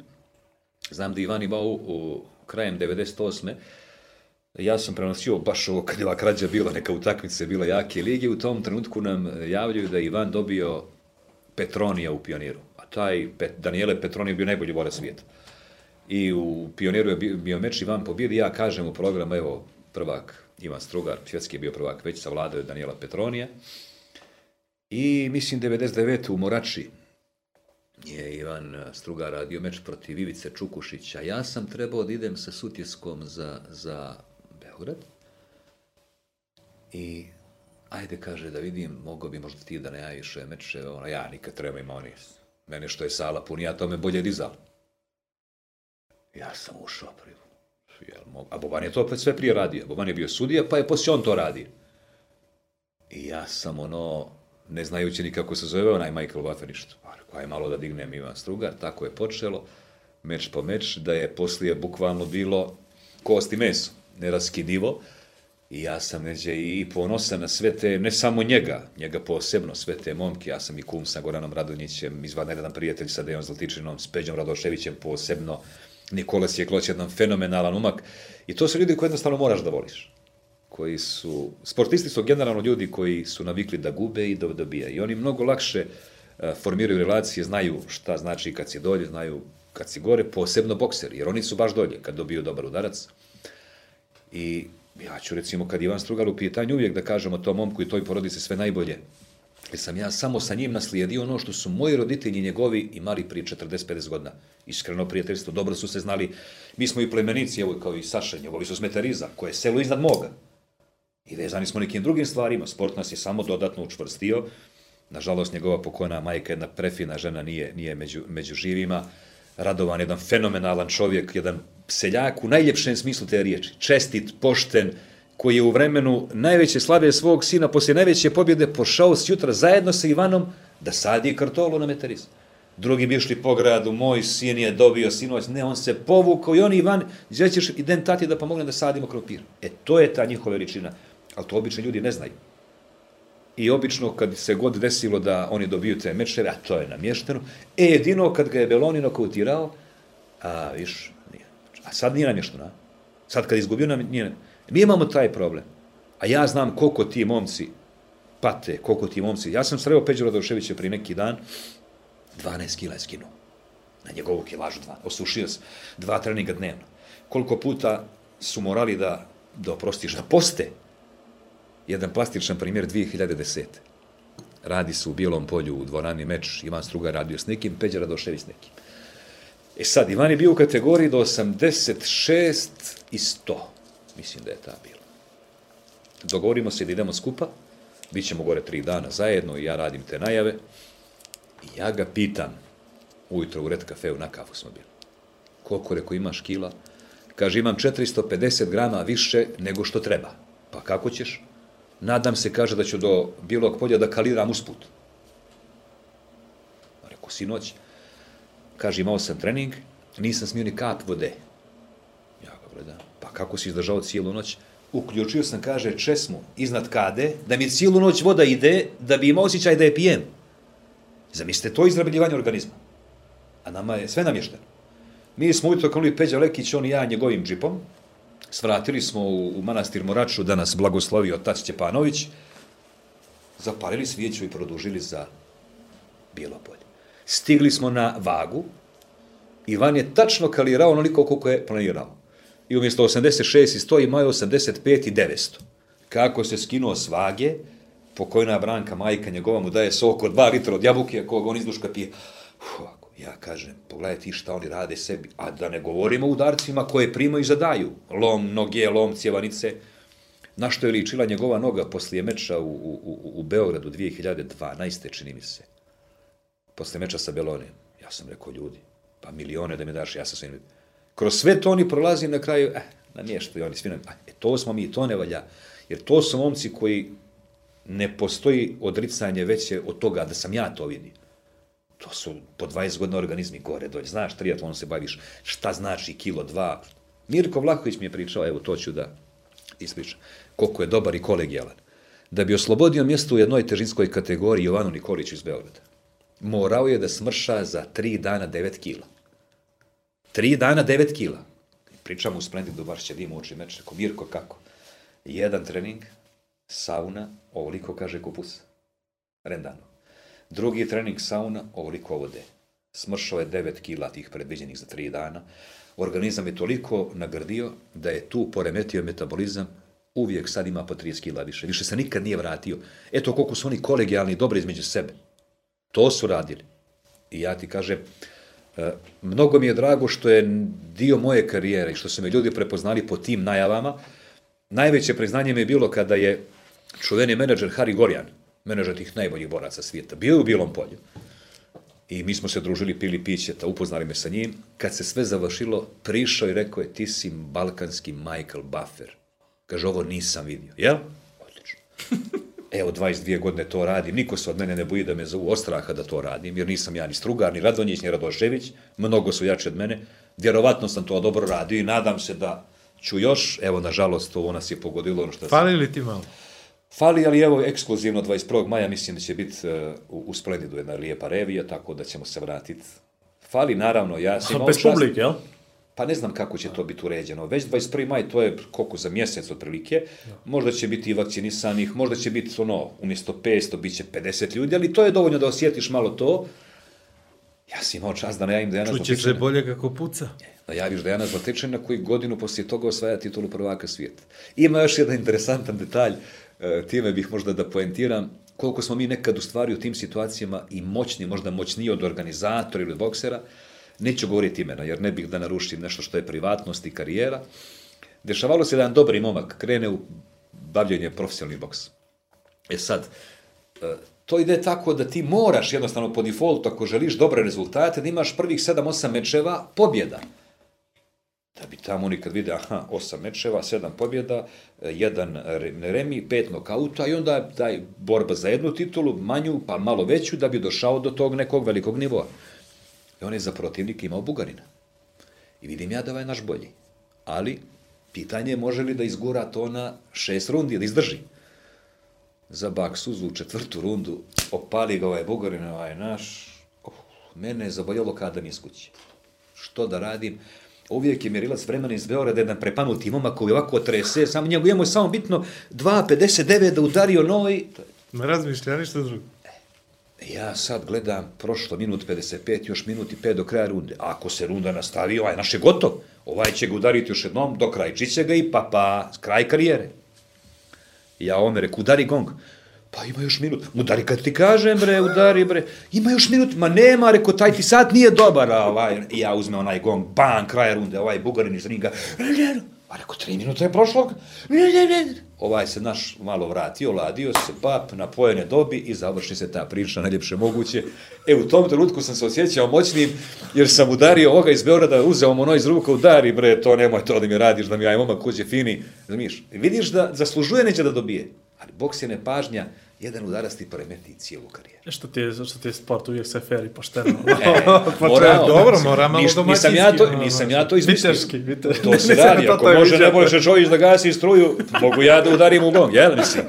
Jel tako? Ali, Čovjek, on je mašinski inženjer, nije elektroinženjer. E, ja ću, ali imam života toliko da udarimo na gong, a bilo je na otvorenom, pa se dobro čulo. Ja. Nema laži, nema prevare. Nema, laži, nema ne. prevara. Deško, dešavalo se da brojimo do 15 bokseru. Jedan. Dva. Znaš kako ono, isto kako kukate, pet, deset, da se neko bolje skrije. Moraš da pomogneš. Nije to sad neko navlačenje na silu, ali kad vidiš da neko tri mjeseca posveti, da zaboravi na djecu, na ženu, na familiju, samo to, i jedan udarac neko, Stani, daj stani, pomogni mu. stani, stani, stani, stani, evo, znaš zašto bi sad ovo liči, ja moram to da, da iskomentarišem. Uh, kogod osvoji neku titulu je u futbalu priča rukometu. Mi smo zaslužili za to što smo radili nevjerovatno, srce na terenu, sve ono što ide uz to, ovo je uh, ogroman proces, ogroman trud, ogroman rad, ogromno odricanja i mi smo na kraju nagrađeni. I to je uvijek finale svega. I uvijek ista priča. Je Barcelona je sad kup osvojila, isto Pique, mi smo ovo zaslužili, konačno čekali smo toliko. ovo svi su, svi su jednako neđe trenirali. Jel, dolazimo ipak do toga da nije ni taj Bugarin nesretni, nesretni, jel? Ne, ne, naravno. Ovaj, nije on došao, nisu ga pokupili na ulicu, nego i on trenirao, A se bilo posvetio. je ulice Igore. Možda si ti njemu, da. možda si njemu karijeru uništio tome Bugarinu. Znaš, na, na drugu stranu, možda je njemu to bio taj treći, četvrti prelomni meč. Kao uvijek mi to nekako jednosma, jednostrano posmatramo. jel? Jeste. Vidi, Jednostavno- Bugarin da je htio da drži do svoje karijere, on bi organizovao to kući. Prema tome, Bio ono, je jedan, lateralna bio jedan albanac nesretni. Znači, ja kad sam vidio konfekciju koji se pojavio na, na mjerenju, ja sam pitao, jeste rekao, vi iz plantaža uzeli nekoga berača breskvi, što je ovo? Neugledan. Mišića nema. One donje gaće što su nekad u Titex radili, one dovde, one, znam još najvojniji materijal, što je rekao ovo? Počinje meč, namaza ga ovaj, iskrim u glavu. Sreća, to zaboravio je bio, pa sam ga ja podsjetio prije dva, tri mjeseca kad sam odio moju e, ćerku, sreća što je tu, da li u vidu funkcionera nekog boksa bio doktor Arif Bajmak, koji je dječji hirurg ili pedijatar, ne znam šta je. Pa, Sreća što je bio tu. Uskočio, greo te u ring. Izvadio mu jezik. Rekao, gotovo, mrtav je ovaj albanac. Zbog 200 eura, koliko mogu da dobiju. Ja sam sam prekinuo, rekao, je moguće ovako? Znači, e, njemu sam spasio, recimo, karijeru, ja i doktor, da više nikad ne uđe u ring, ni da gleda. Jer to su jako opasni sport. Jako opasni pomjeri sport. svijest. Kompjuter izračunao da jedan Cassius Clay, koji je bio ikona svjetskog boksa, Mohamed Ali, primio preko 300.000 čistih udaraca u glavu tokom karijere, a bio je najbolji. Mislite, 300.000 kad da, udari kako kažu, Larry 300.000 Holmes sa 110 kila i 120. 100.000 ponavljanja da budeš... Pa? Ne, to su, i za to te momke ja posebno volim, jer znam e, kroz šta sve prolaze. Tenis, pa gospodski sport, ti ne možeš da se povrijediš. Imaš kontakt s protivnikom, nemaš. Oli udari forehand ili backhand drop shot, a on hoće li ga ubiti nogom, hoće li ga ubiti rukom, hoće li sutra da ide tuđu supu na svadbu ko- koliko ga izlude, razumiješ? Znači, to ti je ogroman problem. I mi njih ne podrštavamo. Ali vidim još te Ne neko dešava se ozbiljno, ne uzmeš tuđe ćevap, tuđu supu da se miriš tanjire, jel? Kad to šašave. Teniseri su izmislili teniski lakat, jel? Jest. Da bi oni pokazali da oni imaju problem neki E. koji nemaju drugi. Bokser nema lakat više, bokser nema ništa. Gleda, supu ima meso, dešava se. E, kako je to? Ajde sad, kad si već pomenuo supu, kako je bilo za malog Tomića? Gleda supu, jede meso. Kako je bilo to? To je bili ste neka fora. Koji Dobro. to reći? Znaš ti igru Partizanu? To je bilo, to je fora za njega bila, čini mi se. Mali Tomić namazan gleda supu, jede. Ne mogu, znam, samo Ne, s Tomićem ne. sam imao uh, jedan lijep susret, cijela ta noć je bilo strašno kad je Partizan uh, igrao nerišno sa Villarrealom i prezimio u Evropi 2004. s Vermezom na klupi, a bio Simon, bio Neša Brnović, Ivica Kralj, uh, bio je Dragan Ćirić i sad je bilo slavlje na, na čuvenom splavu Monca, posle Ivica Kralj kaže, Mačak, ideš s nama. Pošli smo do ujutro do pet i poše. Znam da je Rado Polumente pjevao i da su punili kući muzičari 33.000 eura bakšiša. I da Ivan Tomić u jednom trenutku zvao Ornića, onog desnog beka, pijana grćem, Nemanje. nema, vjerno, sire dođi. I bila neka pjesma, hit, ne znam koja je bila tada i potrošio dvije, tri ljade pet i ostalo mu dinara.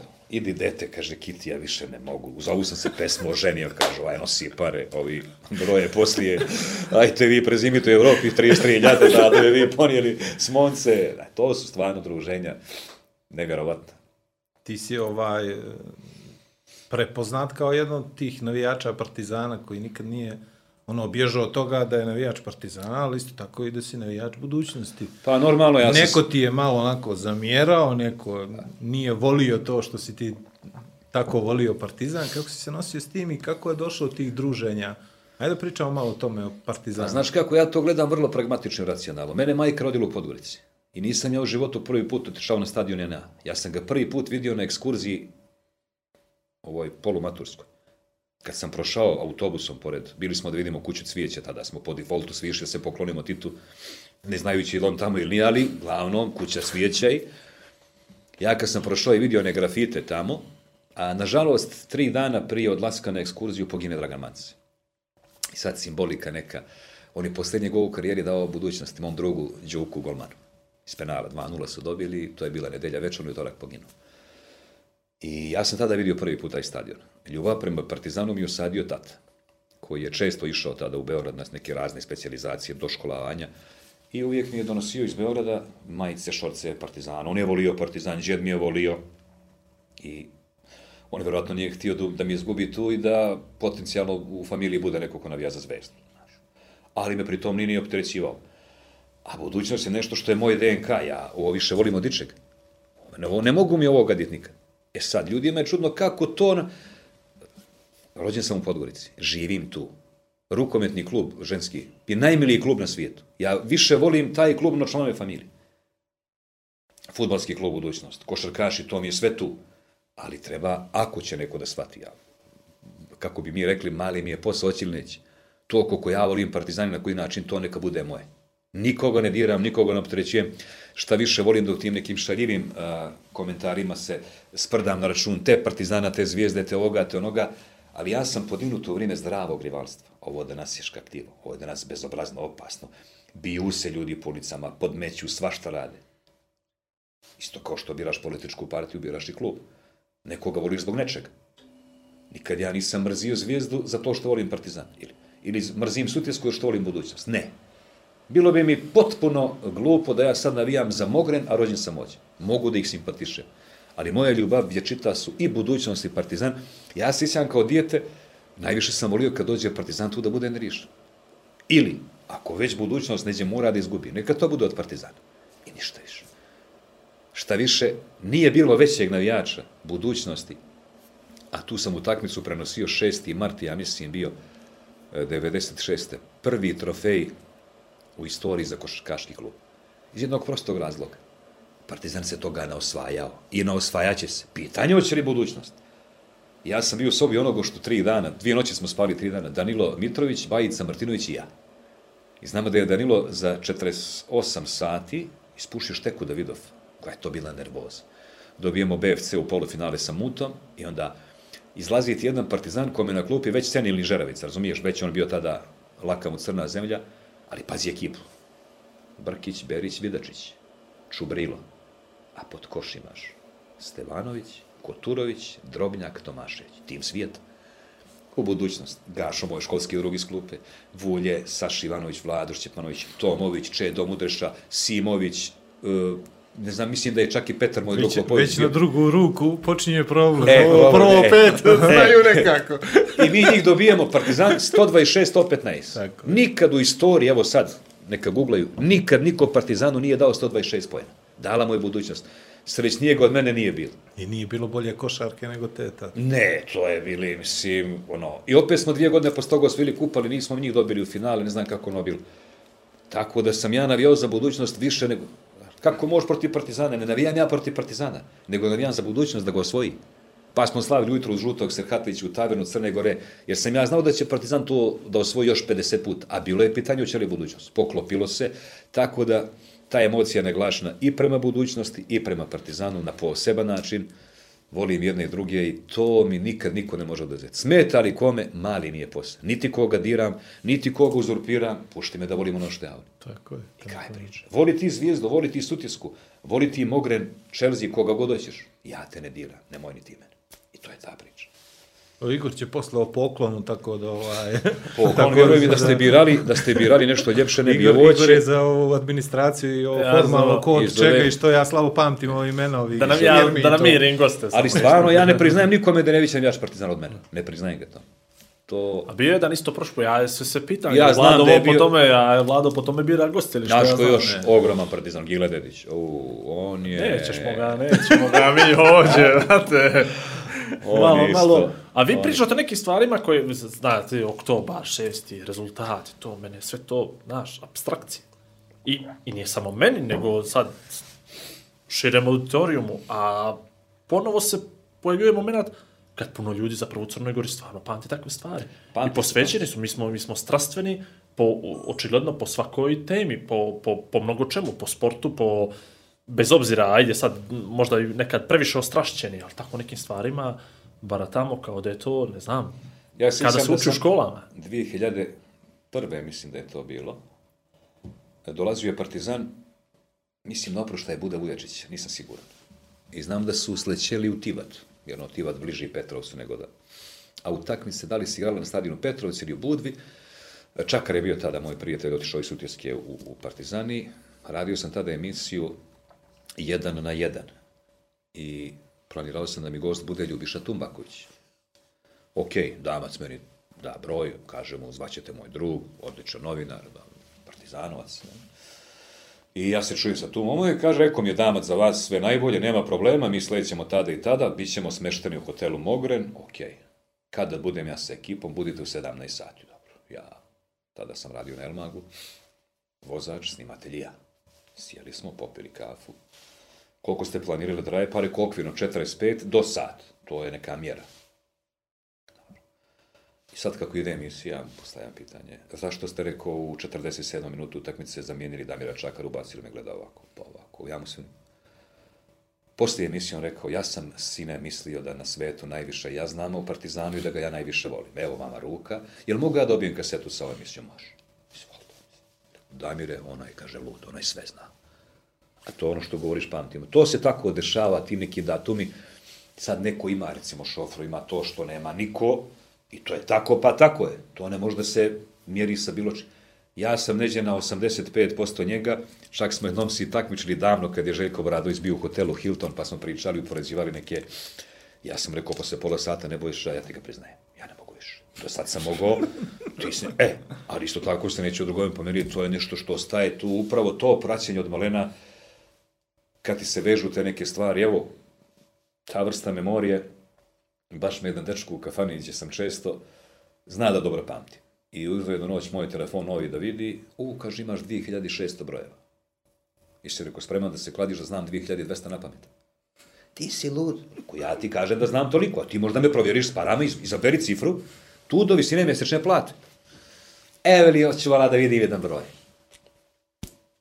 Tap, on, taj i taj, rekao 390 i ostane. On opet, posle petoga reka, svaka ti čast. Ali to je nešto, vjerovatno, s čim se ti rodiš. Ja nemam tu potrebu da, Da, se ja na silu da pamtim. To je tako, žena mi kaže, ti si monstrum. Monstrum, radim ja. To je bilo sledeće pitanje. Kako prolazi žena s tobom u svađi? Znači, teško. Ne svađamo Sjeća se. se, a, a, a 22. aprila, kad si mi rekla 94. kad si mi obećala. Uh, nemoj mi apriju, sad sam i dva dana.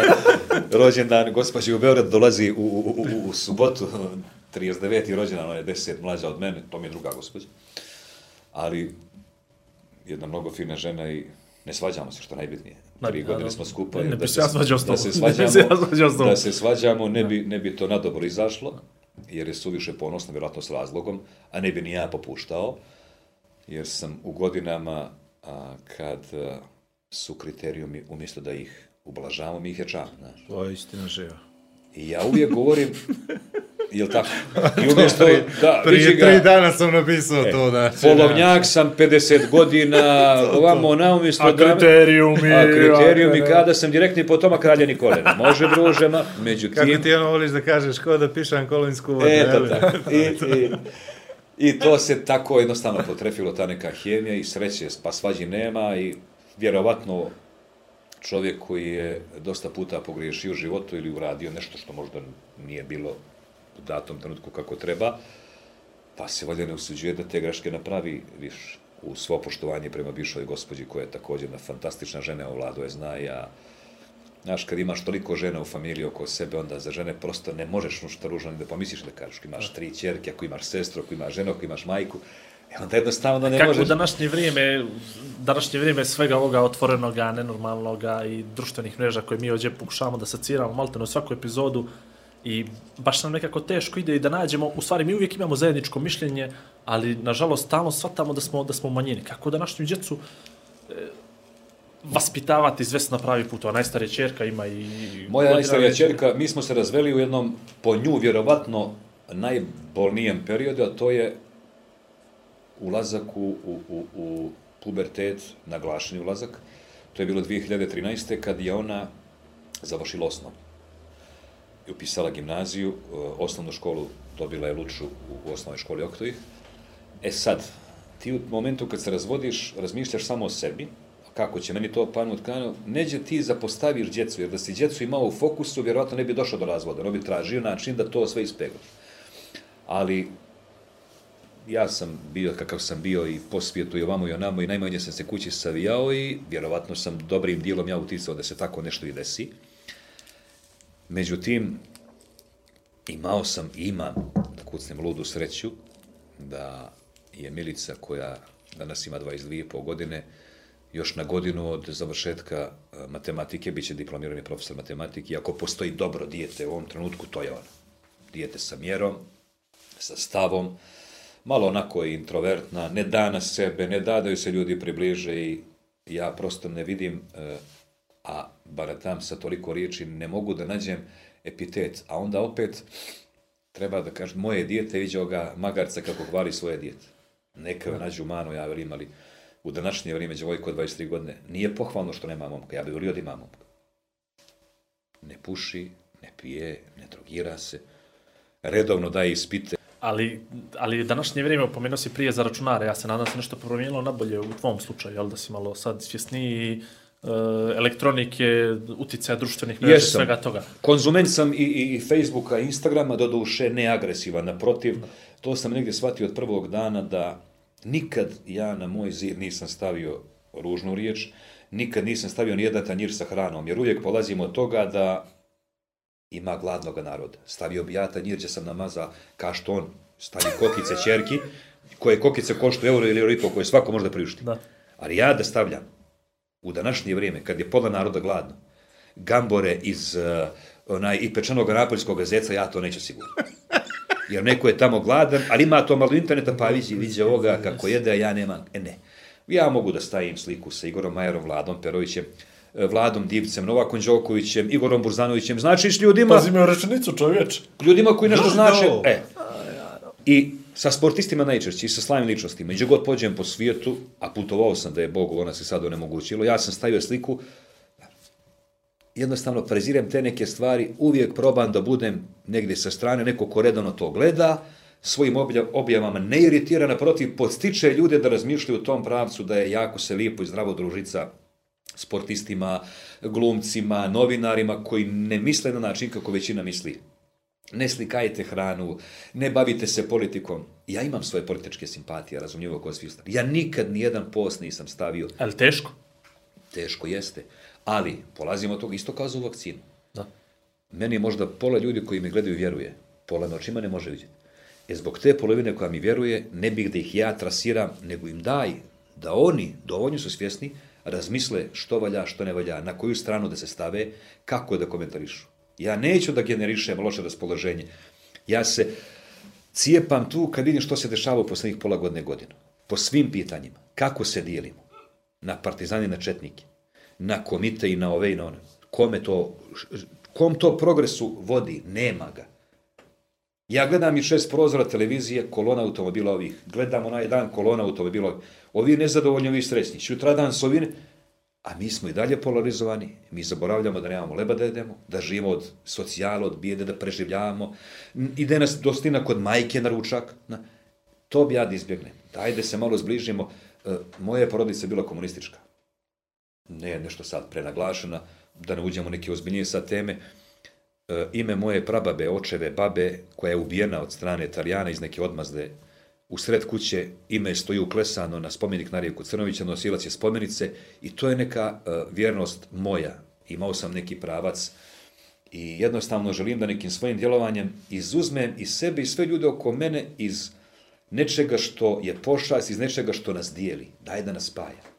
Ja ne volim ni ove podjele, a pričali smo budućnost partizan. Svi smo jedno. Ajde idemo posle utakmice za grlje i napić. Tako smo nekad mi preko Morače živjeli svi u gradu. Nije bilo kada nas iza leđa, te nekom otko se. Pobiješ se s nekim, jesi li jači, jesi, ajmo zagrlijemo se popiju. I znaš od tog trenutka da je on jači od tebe, ali ideš da piješ piće. Dobro, tvoji stavovi su dosta, i ti si dosta osviješćen. Ja sam uspio da ispratim oni prvi deset rezultata na Google, što sam ovaj prije pomenuo, da si bio na jednom okruglom stolu i radionici, e, protivnik e, online, ne online, nego klađenja, generalno sportskog klađenja. Tako da i to je opet Da. jedan stav tvoj koji je s moje strane naravno pozitivan i gdje moramo da ukažemo opet našoj djeci, moja su djeca mala, još uvijek vladova isto, ali ide ka tome, ovo sad trenuci kad moramo nekako da ih usmjeravamo.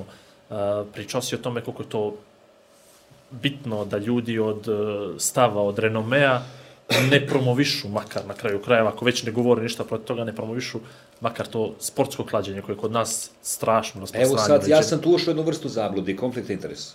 Ja sam neko ko je javno bio protiv toga. A prije mjesec sam snimio reklamu za jednu kladionicu. Došli su kod mene toliko i toliko para. Jel? Znači, ja, ja živim od ovoga. Ja nemam, isto kao što ti Vlado živite od grla, neko, jel tako? Ja nemam drugi izvor prihoda nego što ću na glas da zaradim. Nemam života da idem da radim, niti mi je nužda da nadničim. Sve što znam da radim je da pričam. I ja recimo snimam reklame za 5-6 ljudi, ja u toj reklami promovišem klađenje. Ne jedan, već tri bonusa, ne jedan, već pet bonusa, ja ih podstičem, ali podstičem i tako što sam snimio reklamu. Svako ko napuni određeni broj godina ima mogućnost percepcije da li mu to valja ili ne. Ja sam milion tiketa uplatio u životu i još ću milion.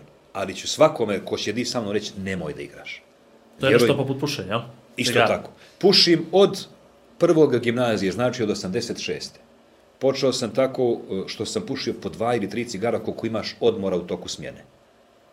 Pa sam bio na hidrant pored u, u vrata ulaznih, probio ovako da mogu tu da sakrijem kutiju cigara kad dođem kući. Da bi od vojske od 90. od Kruševca već postao ozbiljan pušač, pušim znači 32 godine intenzivno. Svakome sam rekao, nemoj, to je zlo. Jedina povoljna stvar nikotine, evo godinu od ove korone, jer 95% oboljelih od korone su nepušači. To je jedina povoljnost za čuo. Sve ostalo je, koliko me puta glava zaboljela, suženje krvnih sudova. Pa evo sad, prosjenečki, sjećaš se kad sam ti pričao? Što znači nikotinski zavisnik? Odem da snimim intervju sa, sa, sa prosjenečkim. Igrali su Đoković i Marejić u jedno polufinale Australijan Open. Na terasi spremni da ga snima. Čovjek, ja pitam Deja Savićevića, davno još, rekao, deki, recimo, igrali ste zajedno, ima rekao, to je, kaže, jebi ga, ne može bez cigara. Tako je, pa tako, to. Ja vidim, ovo sve radi. I ja, planirao emisija traje 50 minuta. Ja gledam na sat 37, 8, moram da prekidam zbog njega. Rekao, Roberte, to je bilo sve, on, kako smo završili. Joj, daj pljugi, idemo gledat nolet. Ja mu odmah cigar dajem. I svima govorim, to je najveće zlo. I kladionica, i nikotin, i alkohol, i... A ja to upražnjavam. Doduše, alkohol ne stvarno, jednom sam se opjenio kao dijete, nikad više to me ne privlači. Ovo me drugo privlačilo, kafane i to. Ali ću uvijek stati i reći, nemojte, to je najveće, upravo iz onoga razloga što se to meni desilo da ne valja. Nemojte. Imam sreću da mi djeca ne puše i ne piju, nemaju te afinitete, što je dobro, ni žena, tako da ono, baš u tom Vidi, dijelu. ovo je, ovo je interesantno, eh, interesantno sad. eh, Ti svojim primjerom pokazuješ da to ne bi trebalo da radiš, ali drugu poruku šalješ. Meni su oba roditelja eh, pušila, ja nikad u životu nisam zapalio cigar, zato što su meni konstantno govorili da ja to ne treba da radim, to nije zdravo. Iako su svojim primjerom meni govorili. roditelji nego da Ali, to govor, ali to. vidiš, ni to sad znači, opet, više ono što govoriš nego ono što radiš, jel? Nije, nego na svom, na svom primjeru se osjetio kako treba, odnosno kako ne treba, i onda širiš poruku koja je drugačija jer si svjestan šta si napravio sebi. Zato postoje roditelji. Roditelji postoje da, proba. pokažu, da proba, da ukažu djeci gdje može da bude zajeb, jel? Ali dobro. Ovaj, idemo na neka pitanja. Imamo neki dio koji su koji, sa pitanjima koji je ovako interesantan i ljudi se uvijek sjete nekih stvari koje ono, znaš, mi neđe ni ne dotaknemo ili nam podstaknu nas na, na, na- nešto. Prvo, od onog kolege koji je pomogao vezano za najavu Danila Petrovića, ovaj, imao si interesantan detalj sa, s posljedne utakmice kad si spasio glavu Branislavu Jankoviću.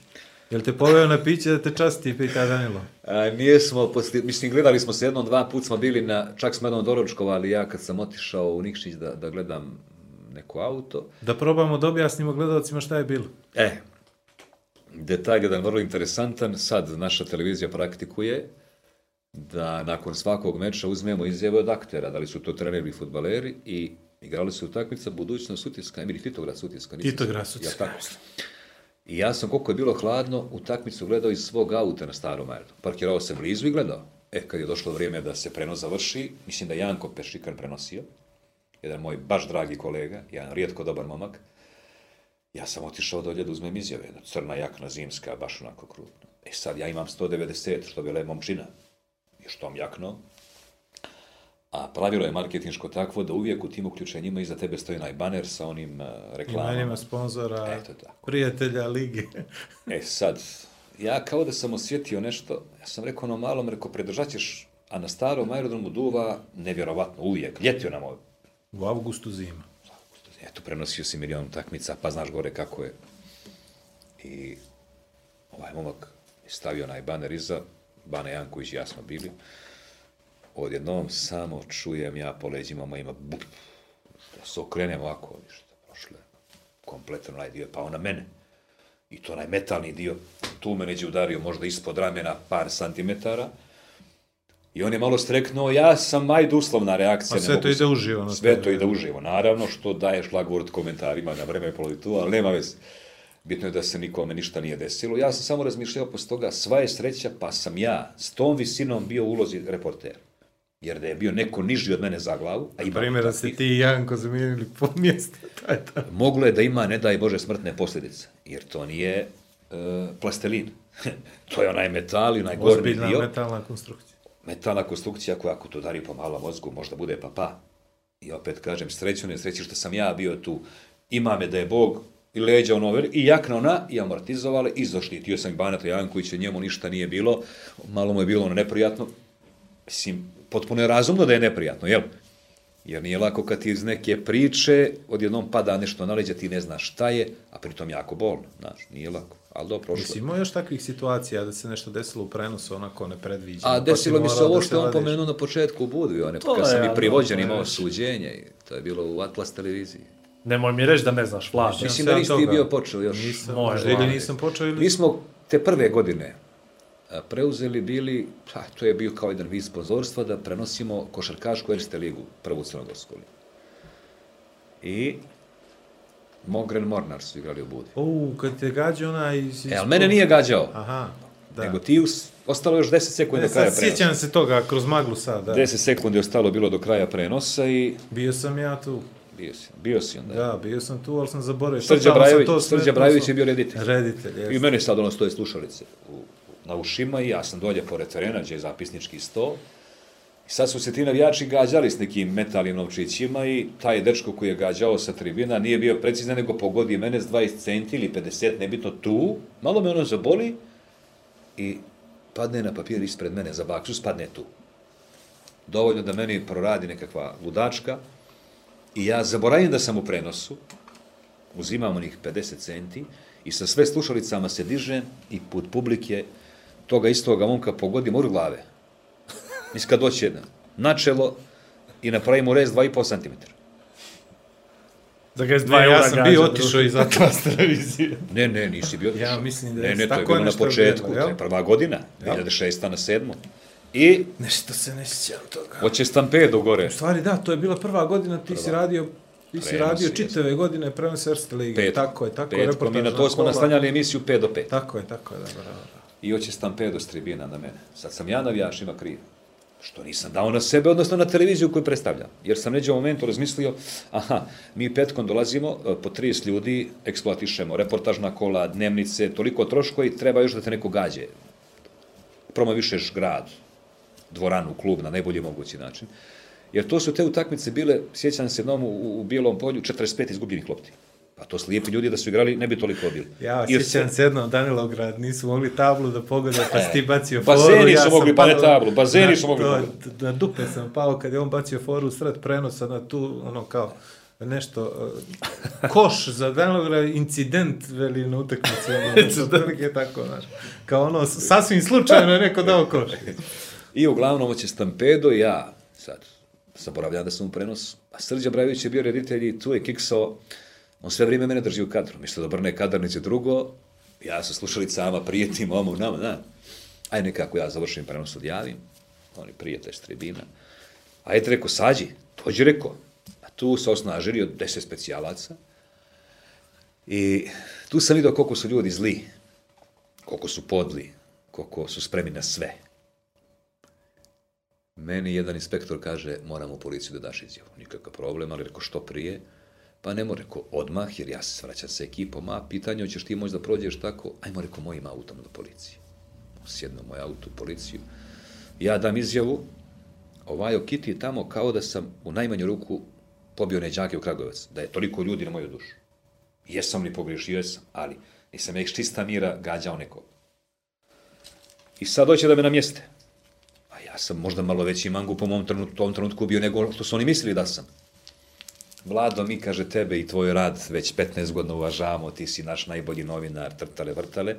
Nemamo, kaže, s čim da te počastimo, samo, kaže, imamo pivo u limenci. Reki, ništa rekija, samo. Samo pivo u limenci, pazi. Rekao, ja treniram po cijel dan, rekao, alkohol ne konzumiram.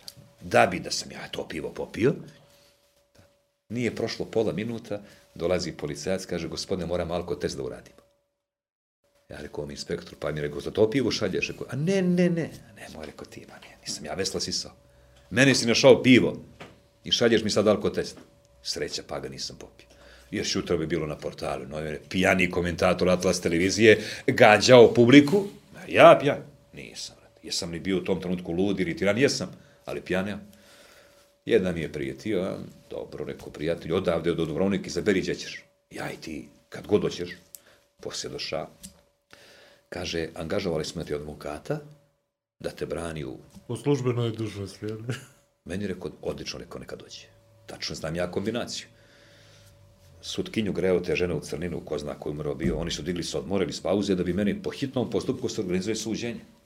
Uveče u 9 sati, puna sudica u budu, meni se sudi, Dolazi, zamisli ja prvi put i zadnji u životu, dolazi Zamisli advokat, Gore, jedan kako gospodin, se radilo neka dobro. sjedi sudova, gospodin, dolazi gospodin, sjedi kožni mantil, dobro večer, ja sam, kaže, došao da branim gospodine Vićević. Čega rekao da ne braniš duže? Čega ne?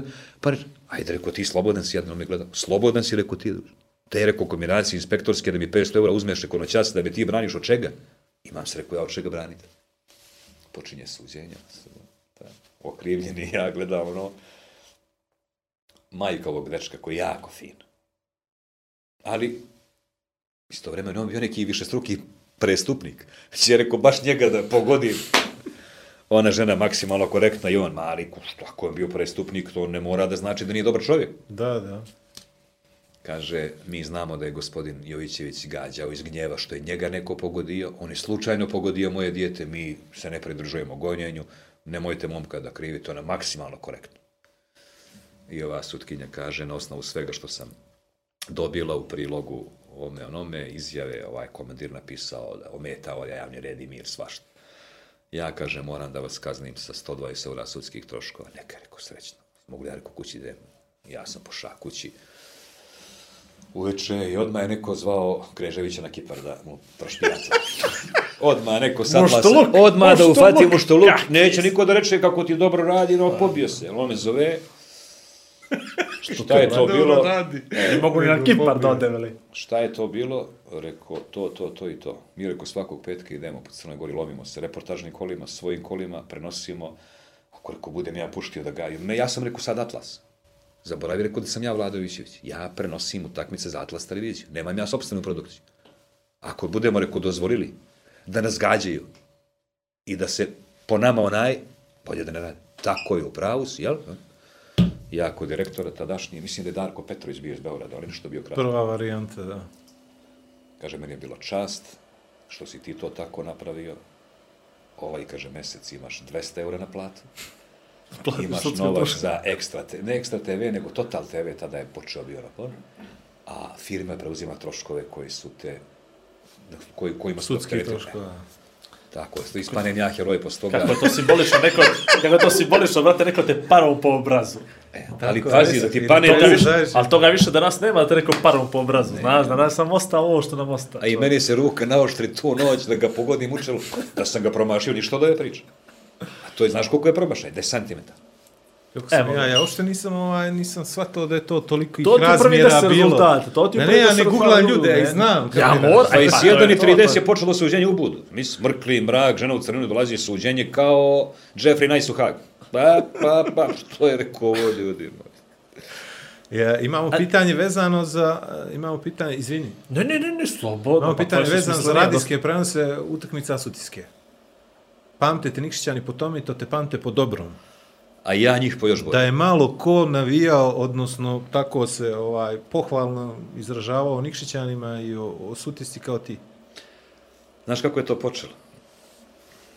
Opet, kažem, laka mu crna zemlja, pokojni Gojko Mitrović se dogovori sa tada čelnim ljudima Sutjeske koji uzimaju klub. Elmag je bio mašinerija, radio. I oni su vjerovatno prepoznali moment da najbolje Sutjesku kao klub mogu da promovišu tako što će se Elmag radio uključivati sa utakmica iz Nikšića, odnosno iz Srbije, gdje Sutjeske igra svake druge nedjelje po defaultu. I u onom restoranu, čuvenom stadionu, bili su na tom ručku i hoćemo da nas prati onaj tvoj novinar Jovićević, Gojko odmah da pokaže moć, mali, Nikšić sam, evo ti broj, Sićov, ne znam kako bi još... Srdanović, Sr- Milojica Srdanović. Sićo, javi se njemu, u petak letite za Beograd, pa za Suboticu, prvi meč Spartak, Subotica, Sutjeska. Imaćeš uključenja. Jer? Uzet ćeš mobilni, uzet ću mobilni. Sve u redu. Ja na aerodrom po dogovoru, koga sam poznavao od igrača u stariju garnituru Damira Čakara, Mija Gardašević i te starije momke sam znao još od ranije, a tada su stupili na snagu Poleksis, Mirko Učnić, Miljan Radović, Željo Perović, to je taj ki, ti znaš bolje nego ja, jel? I pričali smo malo, tu sam se i prvi put upoznao sa, sa Mirkom Vučnićem. Tako je to krenulo. Jedno trogodišnje sjajno druženje. Bukvalno sam se u određenim momentima osjećao Nikšićaninom, jer sam svake subote palio auto i išao, radio prenos, Pa sa ekipom, jel? pa i normalno uvijek sa ekipom, avionom. Najčešće jednom sam dva puta išli autobusom, jednom u, u, u Kruševac i jednom u Kragujevac. Ostalo smo se avionom. Jer su svi ti stadioni bili u, u i oko Beograda. Izminjao tih trenera dosta, počeo je prvo, mislim, Olarević da je bio, Pero Giljen, Nenad Starovlah, Baš Brajan pominje u Nenezić. pitanju Bane Smiljanić. Bane Smiljeć, s njim sam bio najkraći. Brajan Nenezić, bio Nenad Starovlah, bilo je tih trenera i, i, i jako lijepa usmojene, jako lijepa prijateljstva i dan danas i to su generalno bili sve jako dobri momci i vjeruj mi da su za, za, zavređivali svaku riječ hvale u tom trenutku, jer znam da bilo je tada i lijepih para u Sutjeskoj, ali su se oni borili i, i ta ekipa ljudi sa kojima sam sarađivao je bila sjajna. Znači, toliko džekova na jednom mjestu. Znači, toliko širokogrudih ljudi. Oni su stvarno bili u tom trenutku dosta bogati financijama, ali dosta bogati i duhom. I oni najčešće nisu putovali s nama. Nego su šakom i kapom davali i nisu ni u jednom trenutku davali prostora da osjećamo da njih nema, nego kao da su tu. Ja i dan danas, vjeruj mi na riječ, da mi ne znam što treba. Kod tih pet, šest ljudi mogu da se zaletim, da tražim i da mi daju što god hoće. I tako dobre i karakterne ljude nisam nikad upoznao. Spremen na šalu, na rizik, na pomoć, na sve što treba. I e, s pravom su govorili da ta Nikšićka škola Mangupa je bila bespremca. Ja jesam podgorični, volio ovaj grad najviše na svijetu i ovdje ima svega, ali taj neki šmeki šarm što sam tu osjetio i tu širinu, to je neviđeno bilo. Znači, tri godine, baš onako kako treba. Čak sam neke i Nikšićane upoznao kroz to druženje koji su davno otišli iz Nikšića, a stekli reputaciju ime van Nikšića i u tim gradovima u kojima su, su ljudi od, od ugleda, od autoriteta. Znaš kako sam to najbolje vidio? Gdje smo god pošli smo bili dočekivani na izvolite. A ljuti sportski protivnici. I onda te za taj period vežu, eto i sestra mi je udata u Nikšić i ja za taj grad mogu samo najljepše riječi da kažem. Stvarno sjajan period je bio i tada i Sutjeska bila, pa možda i preuzela primat od budućnosti što se tiče medija i svega, znaš. I opet kažem, to je najveći derbi crnogorskog sporta. Budućnost Sutjeska. I sad mi se jako svidjela izjava Petra Grbića, Tako je. koji je pokazao širinu i kamo sreće da svi tako razmišljamo. Ono Najljepša što- izjava, ja mislim, od, ne znam, Pa mislim Njegoševski je rekao ono. otprilike, da. Znači, I kad s pravom i realno, ako I će mislim da on namo ništa slagao nije. I ja hoću da to kažem, kad bismo svi tako razmišljali, onda bismo išli u Nikšić pješke da gledamo utakmicu, pa bi nas navijači Sutjeske poveli na piće, ajte sad srećan i put, bili smo danas bolji ili vi ste bili bolji. A ne izjave, disonantni tonovi nas dovode do toga da se mrzimo. 50 km razlike, pa jedni smo ljudi, jedni smo narod, kako treba se mrzimo? Kroz sport da se mrzimo. E, te izjave treba popularisati. Ja da sam urednik bilo kog medija, ili da držim školu novinarstva, evo, Petar Grbić, posljednja izjava, kako se poštuje protivnik, želi mu se na sportskom terenu sve najgore, a ostalo sve najbolje. Evo, ovo je primjer kako treba svi onako da dajemo izjave i onda bi to bilo sve kako treba. Jasno. Uh, Đoko nam je pričao neki njegov dio vezan za ovo Partizan Petržalka. On je radio televizijski prenos, ti si imao radijski prenos. Mi smo to slušali svi, ovako ovi koji nisu Na malom gledali, stadionu, Na malom stadionu smo slušali. Kako je tebi to bilo? Kako je tebi to izgledalo? Njegovo smo dobili onako...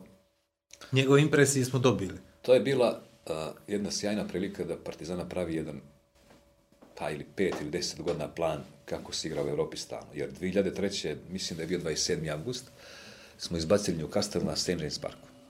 Imali smo tada, ja sam tu noć iz autobusa uključio tri crnogorce, Kralja, Čakara i Delibašića, bukvalno iz autobusa ka aerodromu u radijski program. Srijeda večer je bila. Pa ti se godina dešava gdje ti prezimiš u Ligi Evrope. Ispadneš od CSKA koji je bio velika. A onda, ljeto 2005. ponovo imaš 3-4 crnogorca u, u timu. Brani Ivica Kralj, igra Niša Saveljić, igra Nešo Brnović. I ja sam otišao uvijek dan ranije. Odem do stadiona da uzmem akreditacije. Volim da presmavam oči utakmice. Izbjegavao sam da idem ujutro, pa sve, jer treba ti koncentracija, jer taj prenos je trajao e, 95 minuta, plus produžeci pola sata, to je 125 plus penali. To je jedno 140, 100, znači dva i po sata si ti bukvalno bez pauze, izuzev tog poluvremena. E sad zamisli na 35 stepeni avgust, kad ti pričaš dva i po sata, ne smiješ da pogrišiš, navijaš, a hoćeš da si neutralan. I to te toliko troši. Ja mislim da sam 3 kile izgubio za... Ulazim na, na stadion, 32.710 kapacitet Partizanovog stadiona. Bio je prepunjen, a sigurno je 28.000 ljudi malo crno-bilo obilježje na sebi. Nikad to nisam vidio. Stvorila se atmosfera strašna ja sam u desetom minutu, kad je Nešo Brnović šutnuo ka golu, krenuo da vikne gol, u tom trenutku kao iz trave izlazi obiora od Ita koga loptu udara tu. I on brani go koji treba da da Nešo Brnović. Da smo ih tada načeli. Mislim da ovdje nama nisu šutnuli u, u, tamo u Slovačkoj, u Beogradu, nijednom okvir gol. Dolaze penali. I ja kažem, poštovni slušalci, znajući kako Ivica Kralj brani sve ove godine, ja sam 100% siguran da će od, od pet penala odbraniti dva. On brani drugi i četvrti. I sad došlo je da Pierre Boja šutira zadnji. Ali nikad crnac, nije ovo rasizam, nikad crnac van Evrope ne zna što to znači partizan. On nema ta osjećaja. On igra za tih 10-15 hiljada mjesečno, njega to je keš, on samo keš, njega to zanima. Nema to percepciju ovi ljudi ovdje, onih 5 miliona pored malih ekrana, oni na malom stadionu što slušaju, što njima znači da se igra drugi put za dvije godine Liga šampiona. To je san snova bio. Čovjek šutira, oni daju go, Nešo Brnović. Mislim da je promijenio stranu, da je cijel život pucao u lijevu, tu noć u desnu. E, čak mu je golman i živu loptu uhvatio. Ja sam došao u sobu, onako, jedva sam potrefio hotel od muke i u 11 mi zvoni telefon, zovem baš Nenad Brnović. Moj baš jedan veliki prijatelj je rijetko dobar momak. Što radiš, brate? Evo, rekao, lega sam, ne znam gdje sam. Evo. Možeš misli kako je meni, znam, rekao, kako je tebi, tako i meni. S tim što su oni imali odmah poslije meča premiju po 30.000 eura u kešu da su dobili, to znam. Znači, po stan, a? da su trebali da idu u Zemunelo i odmah da im izbroje lovu. I kad se vraćaš sutra, reku u desetni avion, mogu li ti ili donijeti oko devet nešto na aerodrom da poneseš Peru Tatorović? Može. I dobro, dogovorimo se mi da on dođe na aerodrom. Utoliko mi zvoni drug, jedan moj, dobri jedan umak preko Mrače, Ćento Vukotić me zove, on je mislim da je do sad 50.000 eura dao u životu samo na avionske karte u takmice Partizana, ali iskreno da, voli, da. e, gledajući, pa, hoćemo li gdje izlaziti, brate, noćas? Poslije ovoga, rekao, noćas neću sigurno izlaziti nići, jer nisam, prebiven sam, ne mogu, dobro, vidimo se ujutro, najedno vidimo se ujutro. Ne radi došao ujutro. Ja sam sjedio sa Ilijom Vukčevićem, Simonovim ocem, i ne radi došao. Cijelu noć nisam spavao. I ja rekao, otkud ti da pucaš penal? Mi, kaže, nismo imali od strane trenera ti ćeš, ti ćeš, ti ćeš. Nego kako je ko imao srca, tako je prelazio da puca. Ja kad sam vidio Batica Mirković da šutira penal koji go životu nije šutno, jasno mi je bilo sve. Ne može Boja da odlučuje. Ali tako se desilo. I mislim da je tu počelo postrnuće Partizana, poslije toga se desila, mislim, na petah Tikva i sve je otišlo, čak ta garnitura koja je bila vrlo uspješna, koju bi ja sutra vratio, Bjeković Zaječević je otišlo u nepovrat. Klub su uzeli drugi, a vidimo sad gdje su, što su i... Ali to je bila sjajna prilika da se napravi, ne samo za Partizan, nego za kompletan futbal u regionu, ovo što Dinamo radi, da se napravi kontinuitet, da uđeš svake godine Liga šampiona, Lige Evrope, A imali smo otvorena vrata da ovdje idu klinci u Partizan da prave karijere vrhunske. I svi su koji su otišli, evo, dosta je samo, evo šta, šta je Stevan Jovetić napravio? Kakvu karijeru, a nije ni Partizan šaša. A da pričamo o onoj generaciji Pažin, Čakar, pa pri toga Pa Viktor, januar 95. su ti tri... Pa Džaja, pa Brnovići, pa ne znam nija. Odavde jedini je bio svijetu gdje protočni su- bojler bio odavde za, za Četiri Partizan, pa za Brnovića, svi četiri u Partizanu su Tako igrali. je, tako. Pazi ti, januar 95. ti odu u 5 dana Čakar, Trenerski Saviljeć u Partizan i Paži. I Tumba je meni tada rekao, ja ne mogu da izgubim derbi kad u tima imam pet crnogoraca. Kraj priče. To mi je Tubaković rekao Hajatu pred jedan, ja baš taj derbi, e, 8. marta je bio 97. na dan žena, ja sam ga prenosio. 3-0 za Partizan. Ništa Saveljić, Ivan Tomić, Damir Čakar.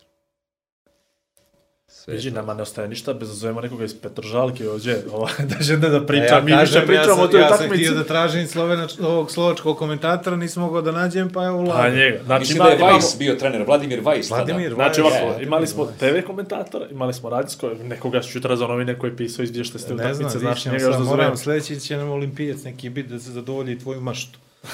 Moje.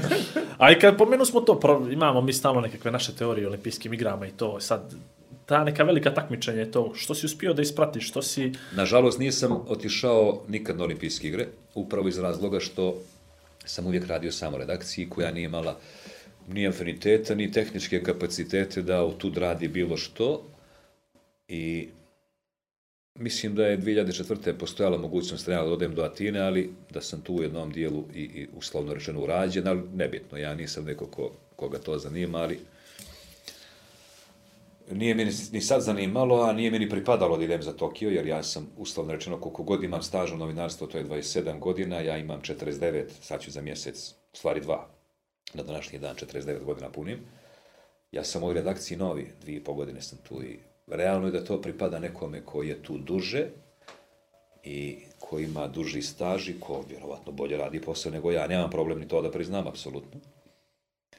Jesam uspio da odem u London uh, par mjeseci prije olimpijskih igara, kad nas je poslao Crnogorski olimpijski komitet, nas uh, osam ili devet iz Crne Gore, bili smo pet dana, bilo jako lijepo. Upoznali smo se sa tim uh, infrastrukturnim sadržajima, o tom novom olimpijskom stadionu koga sad koristi West Ham, ja mislim, jel tako? Bili ves, ja, da, Veski. Oni ga koriste i bili smo, imam slike te građine, baš smo Đoko i ja bili zajedno u sobi. Tako da od tih događaja nisam, ali računam da ako me zdravlje posluži, a to je sutra, jel za tri godine, da ne planiraš uvijek ništa, da bi možda mogao izvještavati iz Pariza, to je blizu, dva sata leta, jer vjeruj mi, ovaj Tokio mi apsolutno nije, opet kažem, nije meni pripadalo da idem, ali mi apsolutno nije zvučio, zvučao privlačno, jer ti ideš tamo, olimpijada je, meni je Gile pričao, eto, on se opučio u, u, u Riju, oni šofro poslali su ovaj 39, ovaj 33 reportaž. Ne, bukvalno 7 kila smršao za ti 14 dana. Ti jednostavno nemaš kad sok da popiješ da valja. Ti si non stop s igrališta na igralište, s borilišta na borilište, sa snimateljem snimaj, montiraješ, sad snimatelj i montira i novinar svi montira. Nije to kao prije, idemo široko. Dnevnica ta, dnevnica ta. Pa ti ostane od 5000 od olimpijade, 10.000 od svetskog. Nema, sad ti trošiš svoje pare. Ti dobiješ dnevnice. Ali je to malo. Pa ti u Tokio ne možeš sedviš ispod 15 eura da pojedeš. A ja sam, evo, se vidi pri apetitu, razumiješ? I rekao, to je to, prenosio sam ih dosta, ali s lica mjesta ne baš toliko, ali opet kažem, sad sam tu, gdje sam, i dobro je da sam tu, jer sa te strane se otvara mogućnost da odem, ja se ne mogu žaliti da nisam putovao. Putovao sam kao da radim na CNN 34 države do sad. S poslom mojim obišao, 3-4 pasoša potrošio, I imao sam tu vrstu sreće da mi sva putovanja traju po dan, dva ili tri, što je najljepše. Jer ti se već, posebno ako imaš porodicu, djecu, uželiš, a onda ta neka putovanja od dan, dva su najljepša. Dvije noći prespavaš, vidiš ovo, ono, jer sve preko toga ti je naporno i teško i Samo mi recimo bio sam u Londonu pet puta za pet godina, tu bi je žao što nisam ostao 10 dana iz jer za takve gradove ti treba vrijeme da ga upoznaš. A sve ostalo možda dan, dva da vidiš. Odeš recimo u Rostov, u Rusiju, Ligu šampiona, minus 15, pa tebi se ne miri da ideš. Ti letiš 5 sati do tamo. I onda Prespavaš. i u balon salu igraš. I u balon salu igraš, treseška nastaž ovako, to je, i vratiš se iz gdje si bio, bio, letio sam Rostova 5 sati, 5 nazad, igrali u balon salu, ono. To recimo, ali isto je to lijepo da putuješ sa ekipom, pa ti doživlja iz aviona, pa scene, to je nešto što se ne zaboravlja. I opet kažem, bit će prilike, evo, sad sam tu gdje sam i dobro je da sam tu gdje sam i to je to. Dobro. Hoćemo napravimo sad break da nas upuca Vlado ili šta ćemo? Pa ne znam, nije, mi ništo, nije mi se nešto otvorio ovim putovanjima. Sve smo se A na sad ćemo to Jugoslaviji posle nešto. pucanja. Sve Posle smo se pucanja nešto na Jugoslaviji. to. Nismo ga takli ovo za ženski rukometni klub, znaš. A to me, a znaš li da mene tu...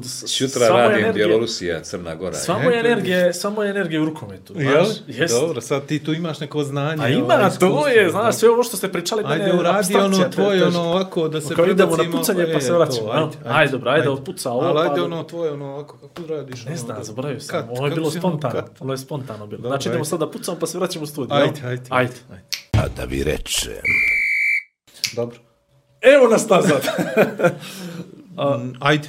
Ne, pazi, moje, moje znanje u rukometu, ono što je meni najnervatnije u, u svim tim komentatorskim e, pričama i teorijama i poslu tom, je, bavio sam se rukometom, doduše kratko, doduše u Kotoru, doduše druga liga Jug. Tužna priča Sve to tužna mnogo priča. imao, Tiva ti je imao mnogo bolji klub, Partizan i Steve Tej, Bauk, onako A, si imao kasnije, Inter- kasnije, mi smo imali, e, mi smo tad je bio Prvo su oni Kotor imali zajedno. župu, znaš, morali su Da, da da, imaju pa- infrastrukturu. A mi smo u župu, pa se- mi smo u župu E, trenirali, Da, da, da, tako u dalje, i timu. to sve, i druga liga Jug, i ja desno krilo, zato što sam bio jedini Ljevak.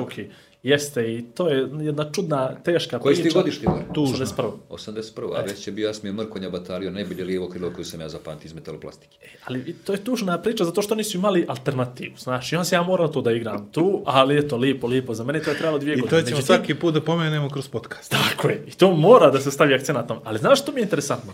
Što vaterpolo i rukomet teško možeš da komentarišeš ako ga nekad nisi igrao. Zato što, moja, moje mišljenje, puno puta neko koga je god igrao, eto, te godine dvije, vidiš ono što ne može neko da vidi ko to nije imao osjećaj. Za vaterpolo pogotovo, ajde, ja sam, is- nisam igrao vaterpolo, sam odrasao, jel dolje u Kotor, pored bazena, i taj kontrafaul ispod vode, ja ga... Ne vidiš? ja, ga, ja ga vidim, Da. ajde, uslovno rečeno, ja ga vidim, ali Vlado ga ne vidi. Komentator mora da je igrao da bi ga nekako vidio, da bi imao to nešto... zna, izvini, zna, ja izvini, ne znam. ovo je jedini moment gdje ja mogu nekako da se saznanje, ti si postavim. dobar dio života u Kotoru proveo. I provodiš, jel? Pa On dobro, ne ja to tako kažem, ali nije pored šutirao bazena, Uskoković i- mi smo i se na Milić bazen- i mi smo na Bajica bazen se Martinović i ja branio, Bajica. Martinovića, Dobro, ajde. Bajica da je što valjao, ne bi Italiji bio. Veljko, E, Milić, Bajica. no, Veljko ne bi držao kafanu da je što valjao. Ajde, dobro. E, dobro. ajde, sad ćemo... Dobro, sad ćemo ga ođe pa ćemo da vidimo. Pa ćemo vam reći to ođe. što. O, ali, odakle taj moment, nisi se bavio rukometom. Ne, ali sad ću da ti kažem, ja sam kao ono što smo pričali kao dijet. Prvi klub koji sam pošao da gledam svake, tada si nedjeljom igralo ujutro u 10 u sportskom centru. Taman je sportski neđe 81. ili drugi otvoren. Znam da su rukometašice budućnosti u prvu saveznu ligu ušli iz Danilograna, iz te dvorane. Tamo su igrali domaćinstvo. I košarkaši budućnosti. Tamo su dobili rabotničkog i ušli. I napravi se sportski centar e, Morača. Prvo utakmicima, još tu ulaznicu kući je bila Jugoslavija u košarci protiv e, University Wichita State, tako se zvala ta ekipa. Njihova. State, E, Kića, Praja, Slavni, znaš, puna Morača, sportske žute, one stolice. Će smo- prave pobjeda do kraja, E. tako nešto je bilo. I tada počinje procvat rukomet. Oni su igrali onako 83. i četvrtu godinu, spašavali su zadnje kolo. Dođe Vinko Kandija iz Trogira, čuveni trener. I od ekipe koja je dobila ORK Beograd, nedelja je bila, bio sam na toj utakmici, i su u zadnjem kolu, iduće godine osvajamo prvo kup, pa onda titulu. Sa postavom koja je bila kompletno podgorička, tek druge godine je došla Zorica Pavićević iz, iz Danilograda. I bukvalno nije utakmice bilo da ja nisam išao da gledam. Što sam, što sa ocem. I sjećam se protiv Krasnodara, evo juče sam brio glavu kod njega, Omer Dervanović. Njegov pokojni otac Mimo je bio vlasnik jednog salona gdje sam se ja šišao kao dijete. I tada su se karte naplaćivale. u vrijednosti današnjih 20-30 eura. I bila je bukvalno stvar prestiža imati kartu na, za te utakmice i biti na tim. Budućnost Krasnodar, treba nam pet razlike da osvojimo uh, kup IHF. 27-22 je bila prva. Ja plačem što ne mogu da idem, u toliko iz tih suza osmijeh majka dolazi s posla i kaže Ljubu, otcu mome, evo je, kaže, bi imao poslao u jednu kartu za tebi i za vladu. Kako ćemo dvojica na jednu kartu, ili tata, ja ću držati na ramenu. Je bio onaj pojas iznad stolica, 2000 tu ljudi, ja na ramena, i mi dobijemo taj krasnodar, usvoji se taj trofej. Znači, to je bilo 85. ili 6. prvi evropski trofej. Evo istine. Ajde, nazvaj. E, mogu. Nikad više, ja mislim, jednu utakmicu nisam propustio. Čak mi prvo međunarodno putovanje kao novinara bila, zahvaljujući Radu Đurđiću, predsjedniku budućnosti, bilo protiv Kometal Đorče Petrov u, u Makedoniji, tada sa Indirom Jakupović, kad, kasnije Kastratović, Hipobank i to. E, tu je počelo da bih e, 21. januara 97. otišao sa njima za Libor. Bio četiri dana. Podgorica, Beograd, Beograd, Frankfurt, Frankfurt, Bilund i onda Bilund autobusom do, do ona. I tu sam počeo da putujem, zavolio taj klub do maksimuma i bukvalno ne pamtim da nisam a posebno od 2005. 6. na ovamo, znači, gostovanja, jer tu je moj najveći prijatelj u životu, Peđa Bošković, bio je predsjednik kluba i doveo je uh, taj klub do dvije titule prvaka Evrope i uvijek sam uh, išao sa njima i pio sam Italije, on je meni zavolio taj klub, eto danas sam oficijalni spiker već pet da. godina na tim utakmicama i znači ne postoji ni jedan klub na svijetu kolektiv, kao koliko i volim kao taj ženski rukometni klub. Ali reci mi ta energija muškom i ženskom rukometu, nikva za mi je to nešto... Ja sam taj sport dobro poznavao, naučio da. sam ga, da bi mi jednom, jer ja nemam tu vrstu sujeta. Ja uvijek, kad je neki prenos u pitanju ili poslije, zovnem Nikolu Petrovića, koji je jedan sjajan čovjek i trener, i koji je imao samo jedan problem u životu što nije uspio kao trener da dosegne najveće visine, što je prema svakoj igračici bio kao roditelj, a to je jako teško danas, jer to zloupotrijebi. Ja ga uvijek pitam to, gdje sam pogriješio, šta nisam rekao da valja on mi ispravili, kaže bio si odličan, da bi mi neđe prije par godina on rekao ti toliko dobro poznaješ ovaj sport da bi mogao da budeš trener neke manje ekipe. Ja sam ušao u suštinu tog sporta, pratim te akcije, otvaranja, ukrštanja, odbrane 5-1, 6-0, 4-2, tako da ono, baš ga razumijem i žao mi je što, što još nije sam više napredao u tom, u tom rukometu, ali sam opet srećan što je to sport koji će, nadajmo se da neće još dugo to trajat, mi imamo jednu jedinu olimpijsku medalju, upravo su one osvojile, ali čudo su one. Čudo su jer to je najgrublji sport koji postoji. Skoro pa borilačka vještina. Seminar borilačkih vještina, ponekad rukomet. Znam, I evo, znači, toliko neku energiju pozitivno osjećam kada oni igraju, toliko mi je tu lavice, mislim da je to između ostalog, pisao sam jednom za Ajkule dva put, za Novaka Đokovića dva, tri put, a sve ostale postave što sam ja pisao na Facebooku, upravo je bilo uh, nekakvo lijepo rečanje za njih i, i, i nešto što oni od tih 34 država, mislim da sam u 20 bio sa njim. To je ono baš... Je I dan danas, ja znam kad je Bojana došla. Bila je košarka, budućnost, neka utakmica. I Duško Milić je tada bio trener budućnosti kaže u toj loži novinarskoj, gledajući košarku, dovodimo, kaže, no malo iz Niša čudovište. I ona dolazi 97. ja mislim. Dolazi u Moraču s Repićem, u budućnost koja ima imena Maja Savić, Anica Đurović, Maja Bulatović, Tanja Jeromjenog, Sandra Kolaković, znači igračice, Sa, a, Sanda Miličković, Tanj, e, Sanja Jovović, znači sve.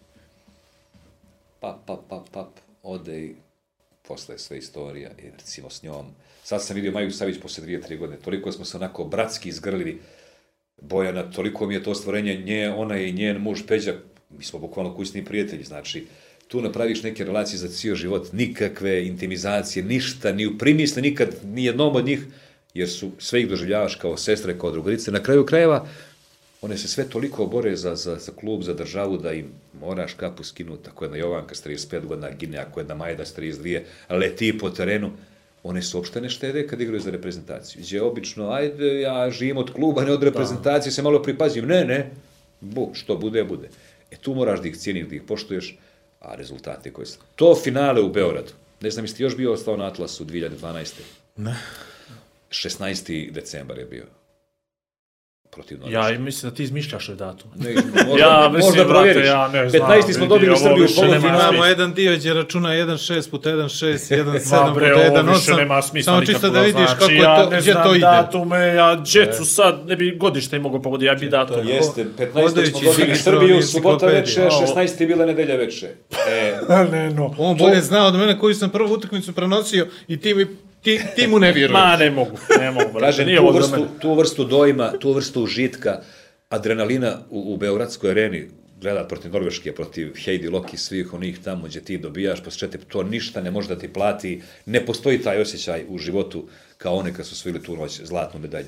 Ili, ili ono u Londonu, kad su igrale, kad smo pokradene od onih sestara koji imaju lijepo prezime, a ružno ponašanje na terenu u Nebo na Ventura. Minjali ne smo nešto prošli put isto. Često, često ćemo ih pominjati. Vidiš, ili, ja, izvini. ja moram samo da ti kažem Ajde, nešto, samo da se nadoveže, a ti zapamti to pitanje. Ja samo moram da cijenim komentatora koji ne kaže sudija, sudija to su koraci, a nisu koraci zato što je pod faulom, razumiješ? E to, kad neko poznaje sport, to momentu, to te onda razoružate, znaš? Znaš kako, taj rukomet isto kao vaterpolo što si pominjao, e, tri stvari su stavljene sudijama na obraz, gdje mogu da te uslovno čemu radi na mještaju. A to su koraci, rukomet je to jako teško provaliti, pasivan napad i probijanje. E, tu isto kao ovo u vaterpolu kontrafaul.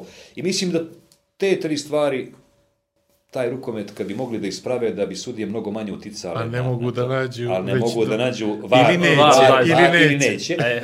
Jer tu mogu da te, ti staneš ono probijanje, kako crno probijanje, koraci, koji koraci, znaš, pasivan napad, neka ti dignu posle 10 sekundi, neka idemo, lado, e. Ali to opet sve zavisi koliki si. Mi smo imali sreću, imamo sreću da je Peđa tuđe, pa s pozicije e, potpredsjednika Evropske federacije ne mogu sudije da te gledaju kao nekoga. jer Iznad njih je neko tu. A prije 15-20 godina kad nismo imali u tim birokratskim forumima tako jake ljude, onda se, koja Crna Gora mala, ajmo. Znači, sve to ima svoje. Partizan kad je dobio Newcastle, ljudi zaboravljaju da je imao suđenje kao u Beogradu, jer na klupi bio Lotar Mateus. Tako je. A na tribinama pa ovi nisu oni šašavi, oni su vlada divca da bude s njima u putu. Pa onaj sudija vidi Mateusa, pa vidi divca, o, ovi su jaki, ovi su veliki, jel? Sve to ima svoje. Je li- vidi, nema, pa, s Dejom Radovićem sam pričao davno negdje, gdje je veličina Duško Jošić. Kaže, doveo je Partizan do nivoa da mu svuda po Evropi sude kao u Beogradu. I to je najveće. Ako se sjećaš 2010. januar, kada je ona lopta Barcelone, oće neće da se prizna da, koš. Da, da, da. Desnom, ali ne znam. je li ušla ili nije ušla? Crnac ona je bio, ne znam kako se zvao iz Barcelone. 14 minuta je onaj sudija, kako se zvaše, italijan, Dela Monika. Dela Monika. Vijećao, je li pobjeda Partizana ili nije. Kako me gleda. Poslije, Da, ljudi, vi ozbiljno treba, ovo, ovo više nije poslije humano. 14 minuta vijećanja, egzaltacije o pioniru Partizanije. Sad je bila priča o tome kako mu je Duško rekao, viš koliko ovdje ima naroda, sad ti trebaš da kažeš da nije... A, Neđe je bila neka sudijska klinika uči svakog početka sezone i pričali su mi da je bilo sad neka praktična vježba, da li je ovo faul ili nije. I sudije svi kažu, jeste, njih 200. A sljedeće pitanje, da li je ovo faul u prepunom pioniru ili nije? Znači, jasno ti je, kad si veliki, gledaju te kao veliko, kad si mali, tako je Sula Radov davao u Komane prije 200 godina. Kad je kralj da žito da se podijeli, on, Igor Majer ima 200 kila, on njemu još 200. Vlado nema već 2 kila. Zašto tako? Ko ima, daj mu, ko nema, nagradi ga. E tako ti je to i u životu, u futbalu, i svuđi, i u sportu. To ti je priča za Evropsku superligu, vidiš? Jeste. Došli smo do toga. To je došlo. Jer i sramota da u toj Evropskoj superligi budu 3-4 kluba, ja mislim, koje nemaju evropski trofej osvojen, je li tako? Dva ili tri imaju, je li tako? Arsenal nije tu, Manchester City Je li to ih ima nema- osvojio ligu šampiona? Ne, ne, ne, nema trofeja. A ima Zvezda, ima Steaua, li ima. Feyenoord, ima... Pa, Od prošlosti se ne živi Da, bez vo- ođe, jel? nema istorije što kaže Igor, idemo dalje. Sve se vrti oko tri životne istine koje nikako da prihvatimo, jel? Idemo dalje da ovo nismo više majmuni i da je ovo 20. Ja Prvi vijek i postoje Kad je druga Hajduk- pravila, jel? Kad je Hajduk igrao sa Tottenham, mali sam bio Mladen Delić, Cunningham i to. Znaš što je bio Hajduk za Tottenham? Da, da. A gdje je sad Hajduk, gdje je Tottenham? Gudelj i braće Vujović i Šurijak i kompanija. E. A, je, li, je li uspjeh rukometašica, ovo želim da, da te pitam namjerno, jer to imam osjećaj da je ženski rukometni klub budućnost jedini napravio sistem, a tome sam pričao i sa Adžićem, i, i jedini napravio sistem koji je održiv. Znači, u principu, kad ode neka generacija, oni znaju koga će da dovedu, na koji način će da funkcionišu, a to se naravno prelilo i, i na žensku rukometnu reprezentaciju, zato što, jeli, to je to je to. Ali je sportski fenomen da iz ovako male baze, koja sad više nije mala, nekad je bila mala, se prave ovakvi uspjesi, uslovno rečeno, svaki ulazak među osam najboljih je uspjeh, svako, ne znam, četvrt finale Evropskog svjetskog prvenstva olimpijskih igara je, trebalo bi da je Pa evo uspjeh. ti ovo sutra ako preskočimo, hoćemo. Bjelorusiju ti je 15. u zastupni plasman na veliko takmičenje. Olimpijske Znači, 14 i ovo 15, tako. Je tako? Znači, to je, e sad ću ti kažem, već razmišljamo o tome ko će igra naredne godine. I tu sve ustavno rečeno stavio naše djeca. Boljeg trenera u ovom trenutku od Bojane ne mogu da imaju, da ih bolje nauči. Posebno Itano Grbić, koja sad igra bez obzira neke limite po pitanju visine, poziciju srednjeg beka, koja je igrala Bojana, koja razigrava. Sve će ove da idu. I potpuno razumljivo da je Nali Sompino uz svu emociju koju je pokazala će da ode prije neđe za 15.000 nego za tri umorač da ostane.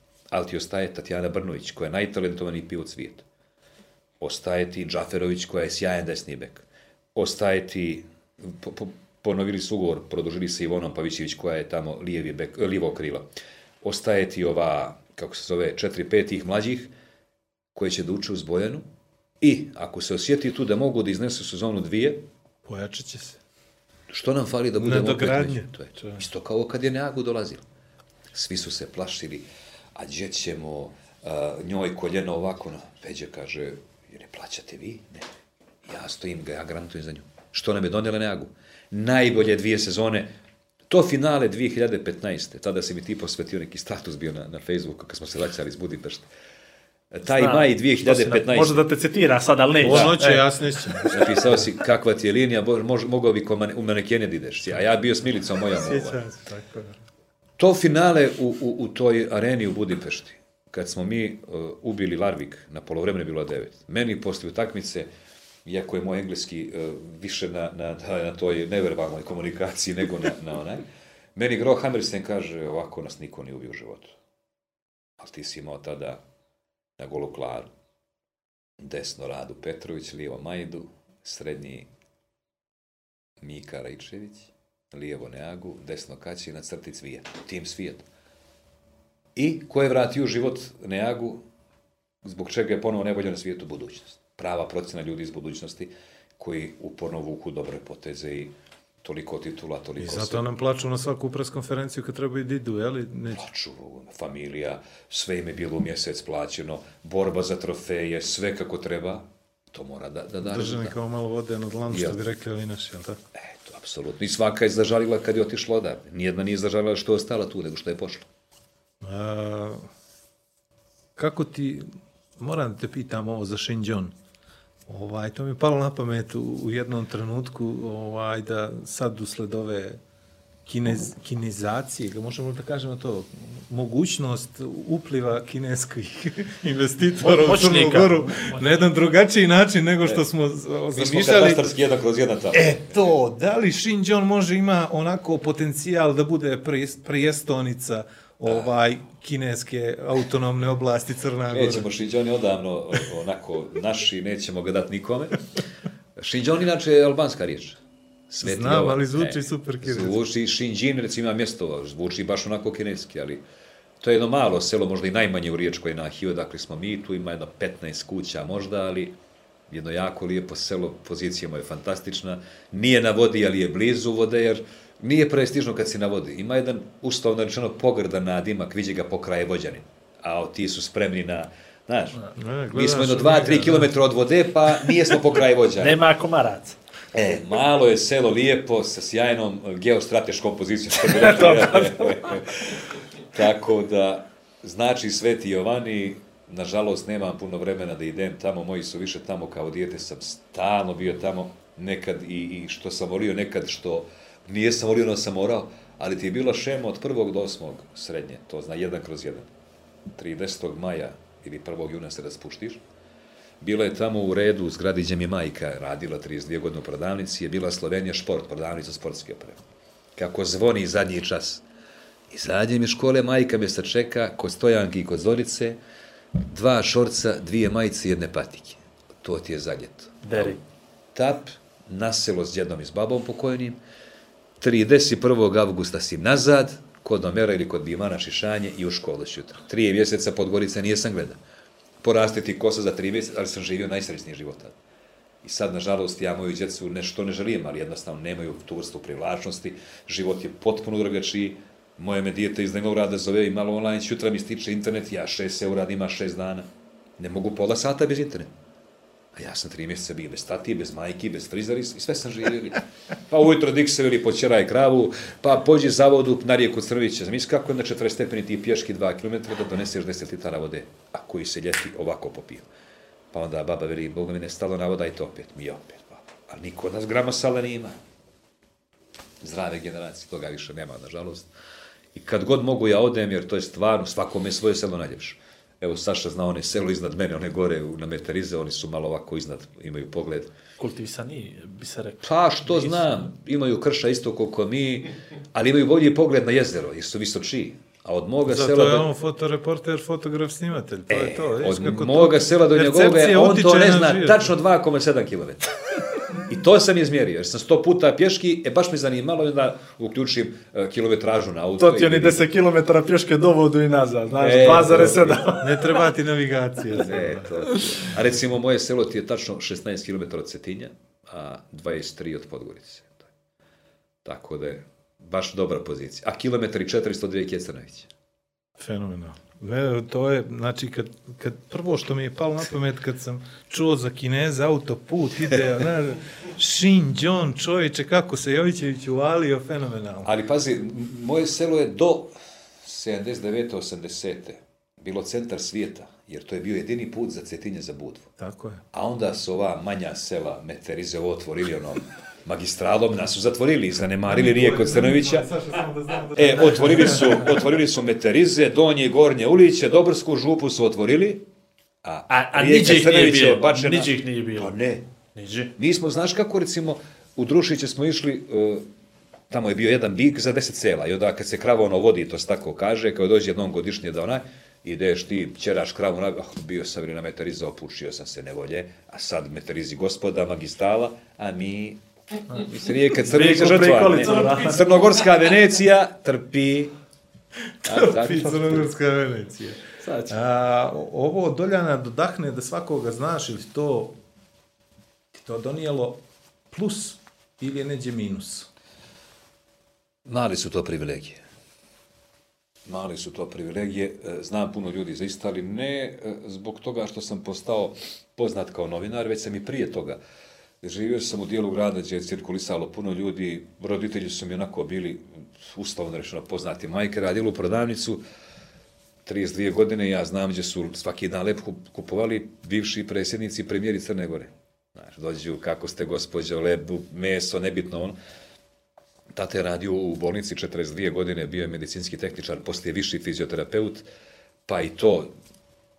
I onda, kad ti znaju porodicu, znaju i tebe kroz njih, ti poslije širiš te, te vidike putovanjima i sad te ono svi prepoznaju, ali to ti znaš sam po sebi, to u Crnoj Gori ne donosi bukvalno nikakve privilegije, sem nešto sitno, a to je da te možda, ako prođeš 10 na sat više nego što treba policija, ajde, popušti. Sad, kad sam bio... Još ja ne vozim, na primjer. E, ali kad sam bio sad u Dodoše, kod, kod Mikija smo bili na ribu prošle nedelje, i zaustavio me policija, o, Vlado, ajde, gdje ćeš? A ja imam potvrdu, uredno sve, ali neću da te kod... E to, ako su to privilegije, bože moja, Pa vidi, ja sam prisustvovao, ja sam prisustvovao, bio je 21. maj, pazi kako se sjećam. ono.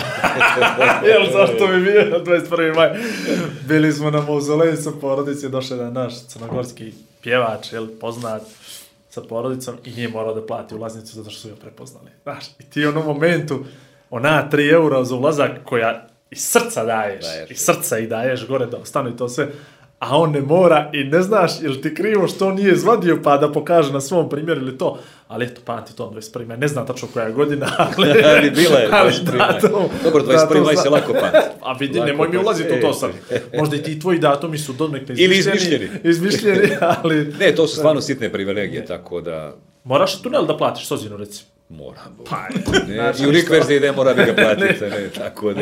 A, rekao si 2600 kontakata, sigurno mnogo poznanstava, a, pominjao si kroz ovaj razgovor da, da te svuda ima i da si svuda ovaj, i po gradu i po državi i, i da znaš mnogo ljudi.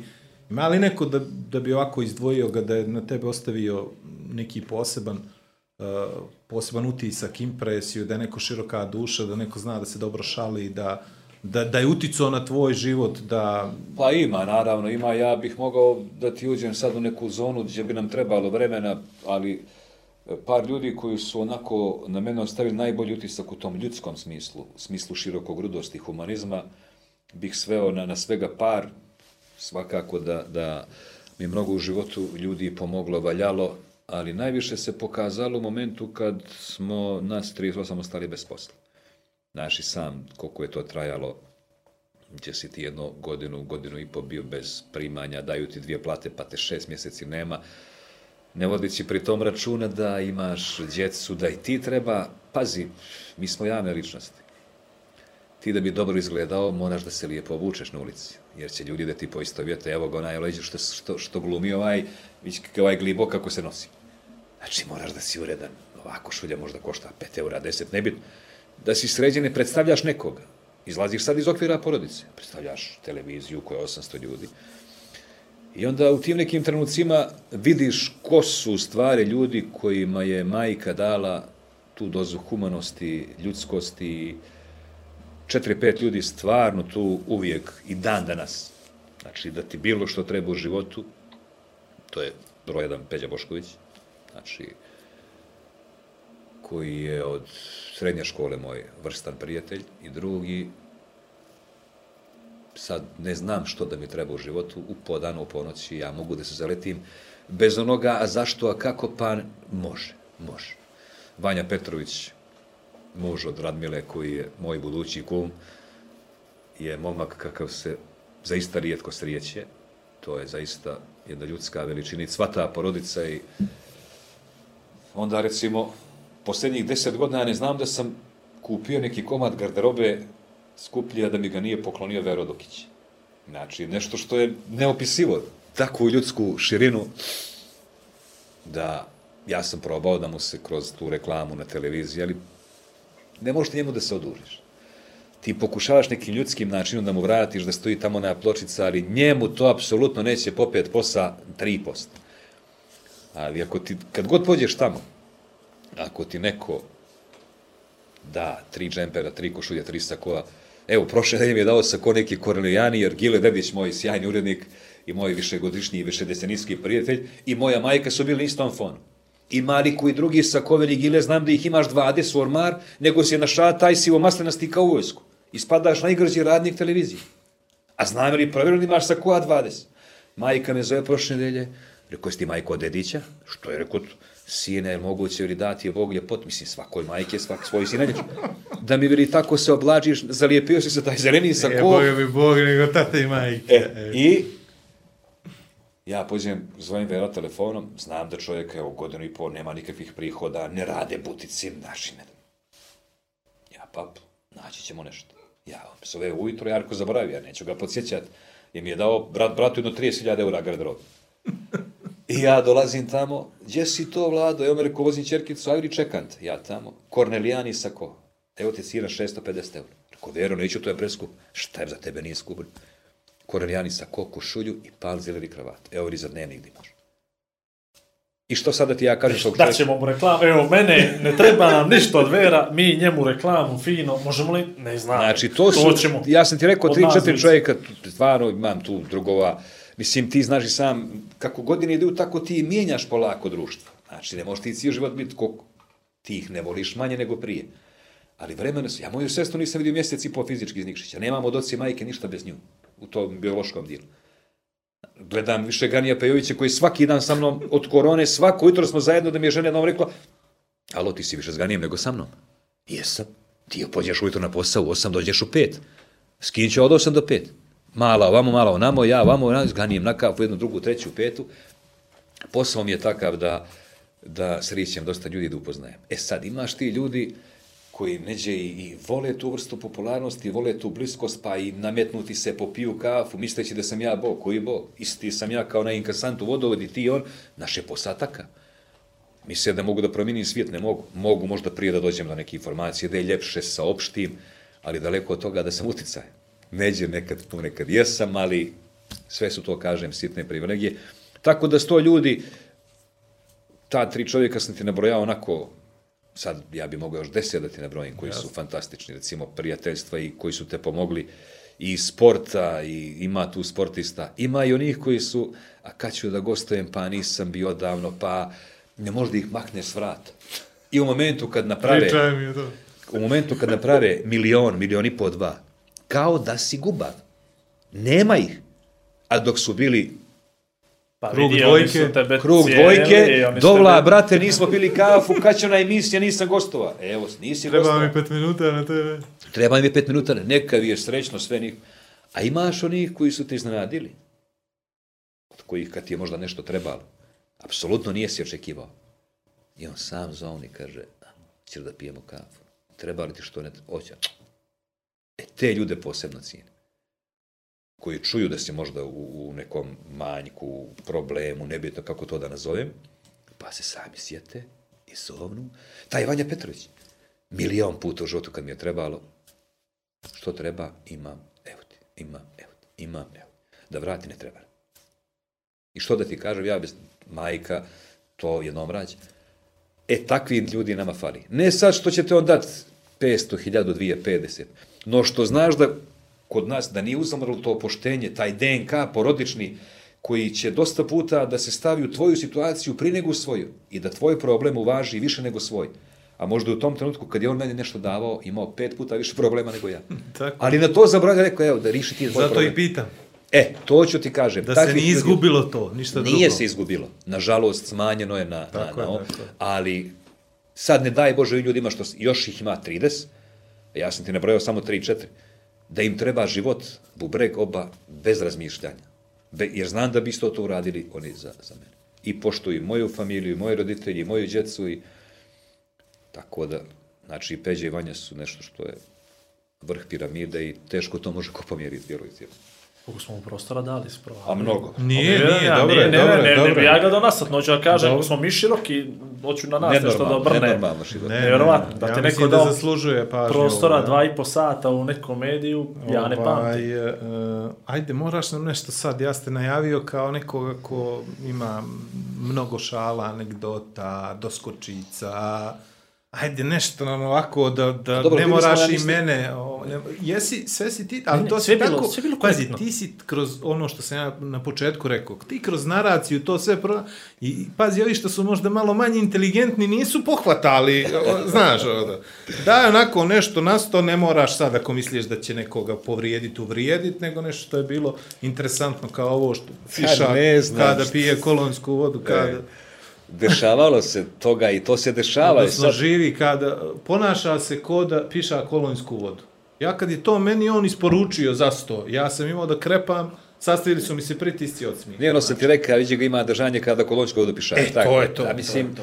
nekad vidi, pazi, nekad ti se desi da i tuđu foru, neće zadržiš pa i ispane kada je tvoja. Nekad Nema, sam, nemam e, ništa protiv toga. E, nekad i sam nešto, nešto, pazi, ta vrsta humora na kom sam ja odgajan je možda malo ruralnija nego inače. I nije prijemčiva tom intelektualnom miljeu koliko nama, ja sebe smatram običnim smrtnikom, momkom koji je rođen preko Morače, živio tamo na Zabjelo, evo 20 i nešto godina, sad je promijenio adresu stanovanja i uvijek mi je bliže bilo taj ulični humor nego taj uslovno nešto visoko intelektualni. Taj humor koji razumije svako. Osim te elite koja sebe smatra elitom. I ja imam jedno mjesto tamo na Zabjelu gdje sam često, kod Đurišića, mojih višedecenijskih prijatelja, Saše i Peđe koji drže frizerski salon. Saša je bio dugo godina štoper Zabjela, koji je mnogo volio futbal i prepoznati u gradu kao izuzetan šaljivžija. A njegova kćerka Isidora je udata za Miloša Ričkovića, futbalera mog šur. Tako da smo to neko prijateljstvo i ako je kroz to moguće i učvrstili. I kad mi je najteže u životu bilo, ja sam bez razmišljanja išao tamo. Jer ti u tom trenutku zabravljaš na sve. I te njegove fore, moje, ovoga, onoga, kad se to sve stavi na jedno mjesto, u jednu prostoriju, tri sa četiri, pa ti odatle izlaziš kao da ti je neko svu teret koju imaš makao, ne daj Bože kad ti umre neko bliski, pođeš tamo pola sata, sve zaboraviš. E to meni nedostaje sad zbog kratkoće dana, bukvalno nam je dan kratak, moj jutro počeo u sedam, evo, i vaš, pretpostavljam, završit će se u šest i po sedam, šta mene prestaje, samo si slušajanje, da legnem ujutro i da čekam čutrova rukome da se pripremim da radim. Nemaš kad više za one najosnovnije stvari, ti nemaš kad više za termine za futbal, a bukvalno si na mali stadion zna svaki detalje. Piro Vujović mi je pričao 365 dana u godinu, 350 utakmica. Tako. Toga više nema. I mi igraj pa posle gledaj. Pa posle, e ono što sam ti ja pričao da se mi iz škole, ne kući, nego, gledaj, to nam, to nam fali, tako, ne znam za te šale, to izlazi to iz tebe. Sad, ljudi kažu da sam imao smisla za humor i da ga imam, posebno kad je ekipa, recimo, pored mene koja je tako naštimovana, je onda tek dolazi do, do, do izražaja to i volim ta neka zdrava nadgornjavanja, nikad da se šalim. To je to, ništa na silu, samo na moment, Ne, jel tako? ne, ne znam, sjećaš se kad smo završili onu čuvenu trku glisera u Budvi. Formula Ali 1 na pazi, ali pazi, da nisi ti to pomenuo, Sad bi ti, jel? ja bih pomenuo. Za satelitsku. E, dešava se tako moment, to nije. Ispričaj, molim. I, Ili ću ja. ja sam zadovoljniji bio tog dana nego inače. Iz jednog prostog razloga. Vraćajući se, pratili smo prenose utakmica i Partizano je bilo za titulu potrebno da dobije u Kruševcu. I dobio je. Branio je Bonja Božović. I vrat, znam da smo pješki išli šetariš, gdje ćemo da ručamo i nažalost pokojni Rajko Kuljačina mi je rekao idemo svi u Porto da tamo ručamo. I bila je jedna lijepa ekipa, znači i vizuelno lijepa, a i ja se sjećam da sam ja ušao u sobu kod Luke Živkovića i malog Bojana Radojevića. Smještali smo bili u, u one U, Kalete u- Budvanske rivijere, tako, tako? tako. I ja sam, ti znaš koliko sam ja ćelav, evo, 18-19 godina, ja sam uša u, u sobu kod Luki i kod Bojana, rekao, trebalo mi je malo gela, ovi su, a gela, ili gade, znaš, nisu znali gdje su. I mi smo se šalili tako lijepo tih dana i šetali smo i šeli smo u Porto da jedemo i bila je naša prijateljica, ne bih živ pomenuo sad ime, Naravno. jer to je jedno toliko dobro stvorenje i pošteno jedno čeljade, koje je malo u određenom momentu života probleme sa kilažom. Ne vjerujem da ona više jela nego svi mi drugi, ali možda neke promjene hormonske, jel? I mi smo narušili čorbu, supu, ja sam rekao onako šaleći se, koliko ona debela pored mene, njoj ćeš reko donijeti u tanjiru satelitski, rekao ona toliko može da pojede, na. I, aj, kona bar, smijali su se Milica Marković i Olja Čolović, oni što su bili, smijali su se, ali nije to bilo podcjenjivačke, daj Bože, ja bi tako šalu i za sebe prihvatio. Tako da, kažem ti, dosta puta sam dušu tamo u tom salonu hranio, možda i ukrao nekad neku sašnu foru ili on moju, ali bivalo je s njim, recimo, slučajeva, pođemo ja, on i Gona Radunjić Kumara u bar na programe, pa se vrati, pa se, čuda su se činjeli, dan danas se čuda čine, ali sve manje i manje, jer nije smo više osuđeni na tu vrstu slobode, sve se sve nešto mjeri, ko ćeš to reći, gdje ćeš ga reći, kako ćeš ga reći, čim imaš tu vrstu opterećenja, ali volim da se, volio sam najviše u prenose da se našali. Znaš, sad je drugačije. Ja sam radio na dva privatne medije. Sad su vam nešto što je javni servis, gdje se svaka riječ posebno vaga.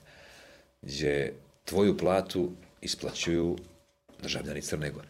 Ne privatnik gazda koji te je kupio da radiš za njega, nego svi oni gledalci iz Pljevlja, Pljevalja, Berana, Bara, Podgorice, oni daju platu. Ja to tako držim. I sad sam tu vrstu šale smanjio i sve, kad su prenosi baš onako na minimum. Sve ostalo je dozvoljeno, neke drugačije zabavnije emisije, kao ovo možem, ali ne smiješ jer nisu svi u tom trenutku istog raspoloženja. Tako je. Neko ima para, neko nema, neko je gladan, neko nije, neko ovo, neko... Tako da, ali bilo je državlja i bit će ih, mislim. Bit će I da nisi komentator, što bi bio?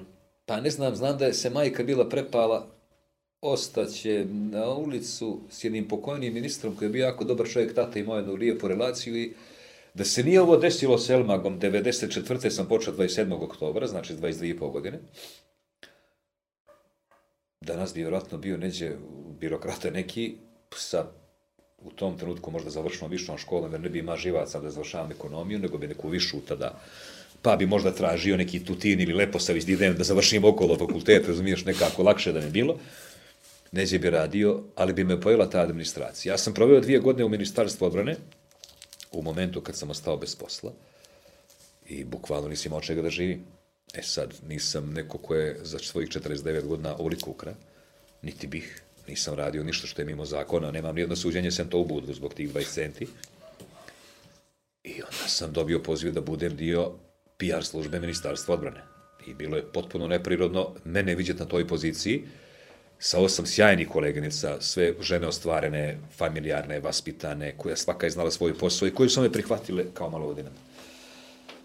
Ja sam tu provodio vrijeme, tu sam izradio diskus. Sjedio ono fotelju, stolicu, bukvalno ništa nisam radio, mislim ništa, jesam radio. Najčešće su me eksploatisali za, ta vođenje, za ta vođenje programa.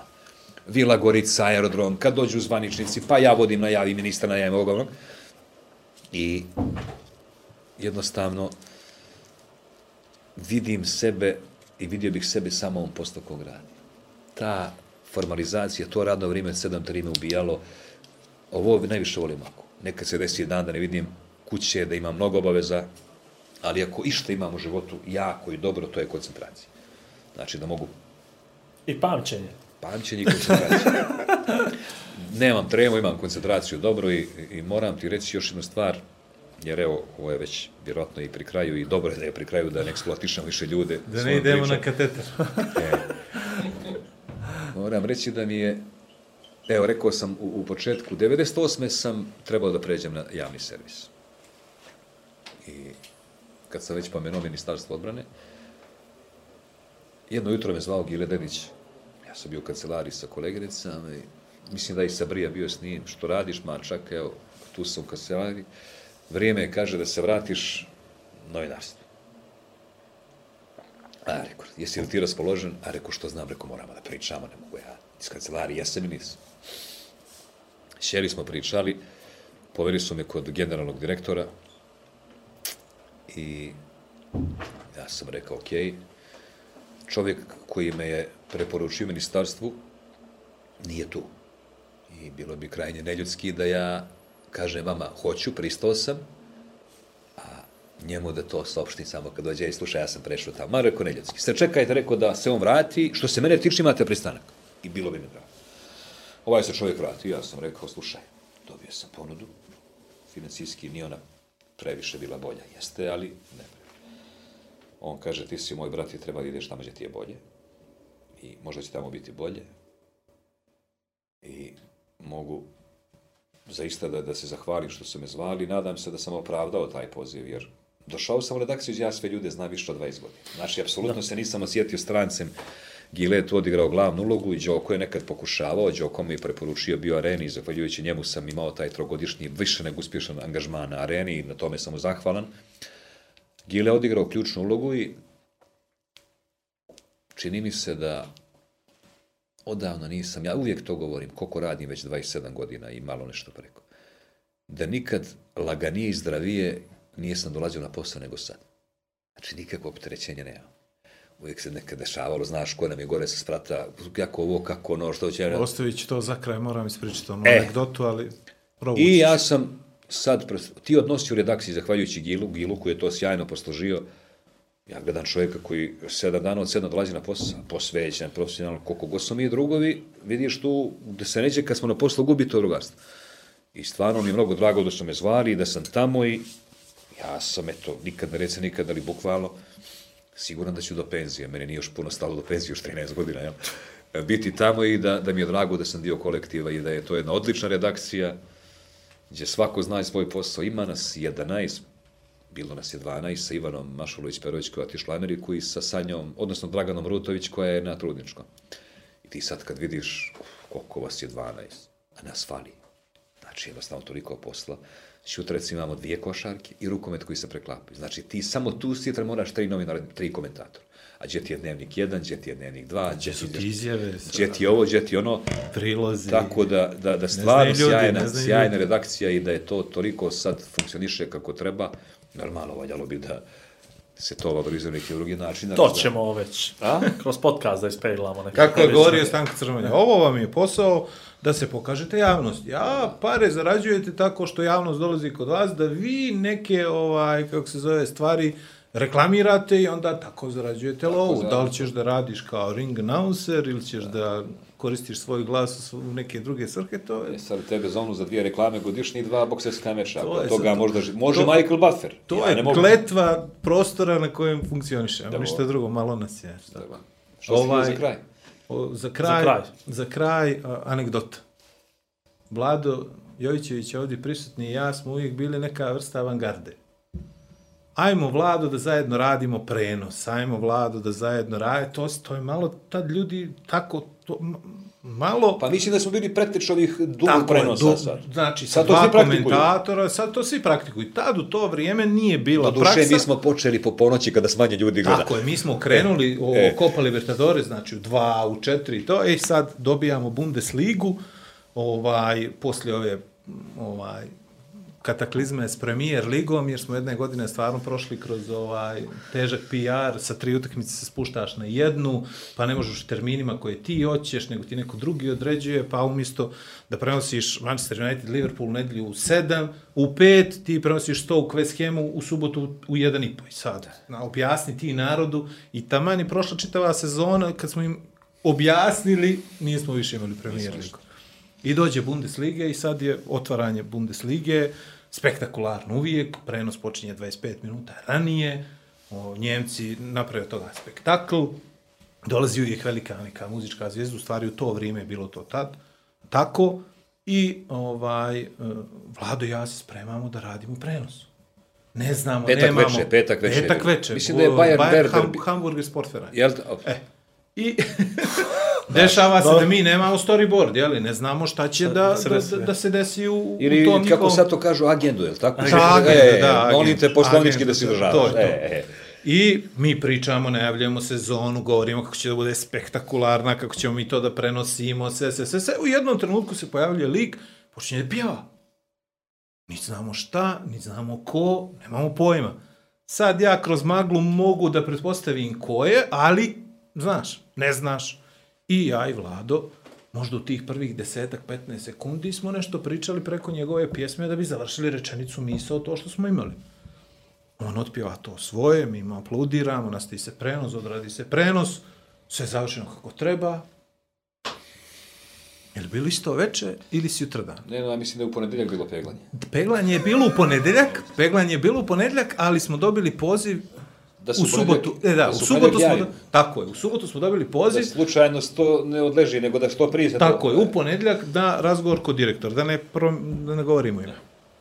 I sad ja i Vlado nemamo pojma šta se dešava. Znaš, dolazimo u određeno vrijeme, ulazimo u kancelariju, odradili mi prenos kako treba, drugi, Možda i treći... više nego što treba, i ljepše nego što treba. Ma, zato što smo dvojica, pa je bilo i šale i svega. Znaš, ono, drugačije, imaš energiju čovjeka koji je pored tebe i on nešto dobaci, pa ti nešto kažeš, pa je ljepše, jednostavno ljepše. Ono nešto poput podcasta.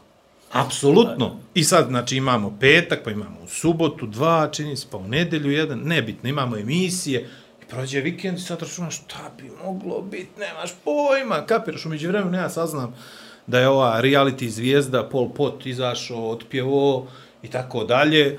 Dobro, okej, važi, mi dođemo kod direktora, dođe direktor i kaže, vi ste meni super, vi ste sjajni, vi ste ovo, vi ste ono, nahvali vlada i mene, tačno te ono sramota, znaš. Pripremaš. Ali, i sad mi čekamo, ali, evo, ovako kaže, kako možete preko himne da pričate, majka mu stara, Gdje ste to vidjeli, kaže? Gdje ste to vidjeli? I onda krene po nama, ne možeš da dođeš do riječi. I ja onda sva sreća, pošto ja jeli, pratim internet, interesuje me ko je čovjek ko je bio, a kažem, samo sekund, jedan, ako mogu, jer Pol Pot je rekao, pjevo, izveo Nessun Dorma, a ne njemačku himnu. a jeli? Je. Ajte.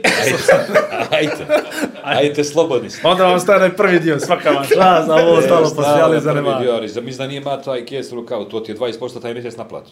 To 100%. Tako da moraš da shvatiš da taj posao sportskog komentatora, novinara, nije lak. Ni u jednom trenutku. Niti bi direktor te firme, našao u tom trenutku, rekao tako nešto, da ga neko prepametan nije nazvao Da mu to. da mu to saopšti. Odnosno, tražila nam se greška. Ti koristiš eufemizme da ga prošpija, to je onako klasično, razumiješ, to je crnogorski sindrom, volimo da špijamo. Ja sjećam davno jedan čovjek koji umro, bio je visoki funkcioner i vojni i politički, kome je igrom slučaja majka rođena na Šinđonu, od Jovićevića. Vjerovatno je to najviđenija naša porodica, jer su dali otac, znači njegov džed, je bio perenik kralja Nikole, jedan je bio sin predratni hirurg koji je čak u jedno vrijeme službao u Nikšiću, jedan profesor sa Sorbone, a dvije preostale sestre, jedna je majka čuvene porodice Cetinski, znači ne postoji, ti, ne postoji termin kojim bih opisao veličinu te porodice.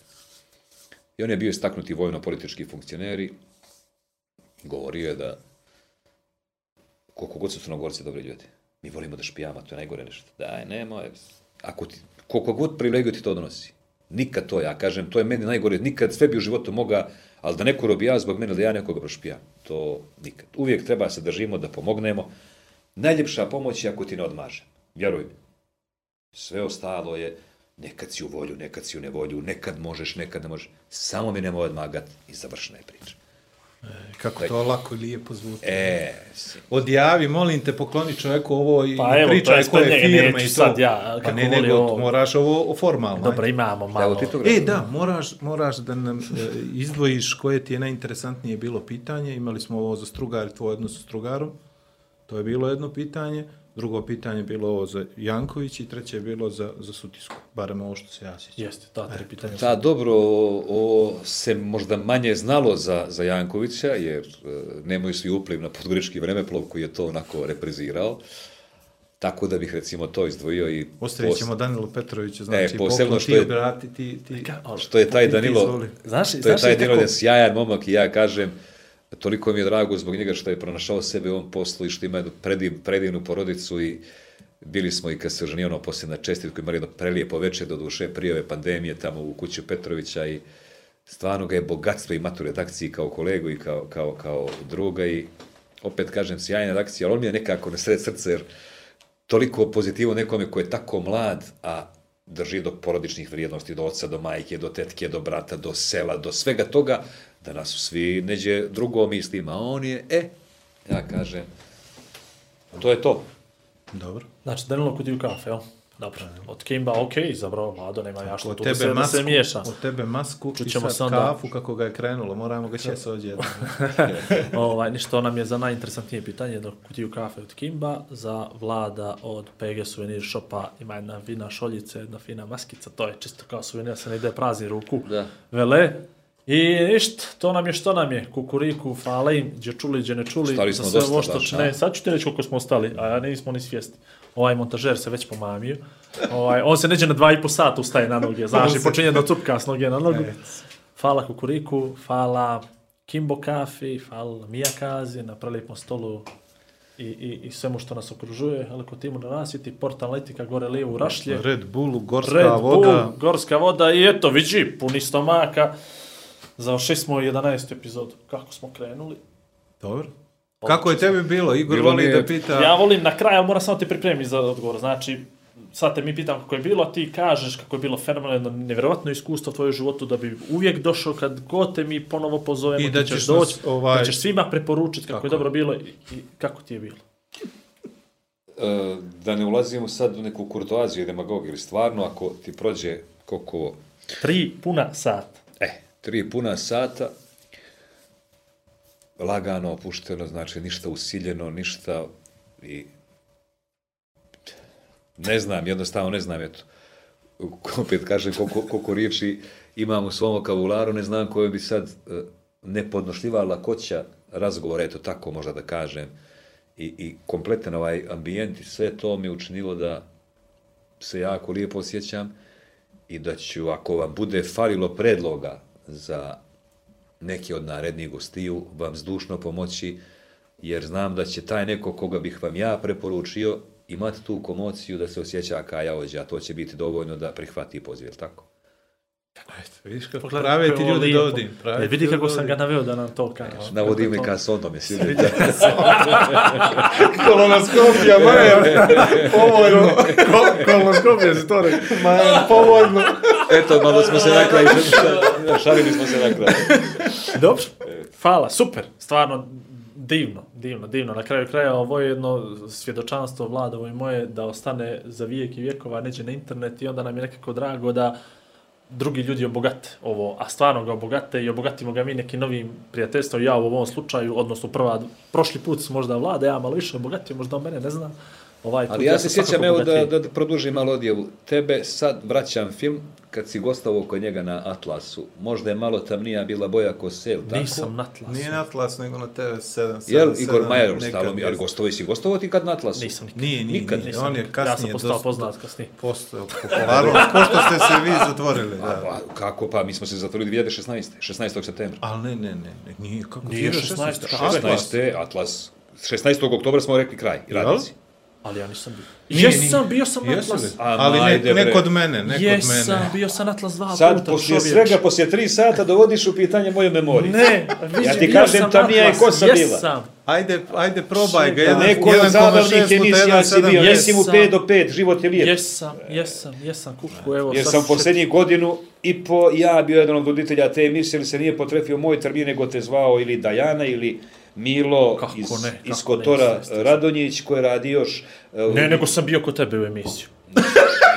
jesam, Nisi kod mene, nisi kod mene. nebitno. Milo Ali jesam, Radonjić bio sam, radio- čovječe, i to sam bio dva puta, sad se sjećam, zato što čak i znam studio. Na a, stepenicama gore, sa lijeve strane, Jest. volat je onaj, e, tu je bio, tu je bio studio, malo je bio, Nisam malo ja, ja bi znao da sam te ja ugostio, ali kod nekog si bio, ja sam to gledao kući i to mi je onako zaparalo i oči i uši, triatlon, ko čovjek možda izdrži ovo, razumiješ? Ja jesam ponekad bio Vidiš, fizički spreman. Ali, Svima čudno, svima ali dobro je da smo se podsjetili i vidiš da sam ja u memoriju sad na kraju možda i poentirao s njom. Vidiš da, Sačuvana, sačuvana. samo se sjećam da je možda malo gušću kosu imali, Yes. tamnija je bila. Tamnija i gušća, ali to sad nije. znam. E, Vidi, udario to. me na mođe svakoga muškarca boli. Ne boli da me. se Ne boli nas. Znaš što je problem? Što je problem? Evo da završimo s tim. Što je problem moj njegovo ujutro kad se umivamo? Ne znamo dokle da se umivamo. Bravo. Dobro, odlično. Odlično. Ništa. Dobro, ajde, odjavi. Završavamo ajde. sa starom crnogorskom ovaj, pozdravom, aj prijatno. Dva čovjeka, dvije vizije, zajednička misija. Igor i Vlado predstavljaju Igora i Vlada. Pri upotrebe detaljno proučiti upustvo, indikacijama, mjerama oprezi i neželjenim reakcijama na podcast posavitujte se sa ljekarom ili farmaceutom.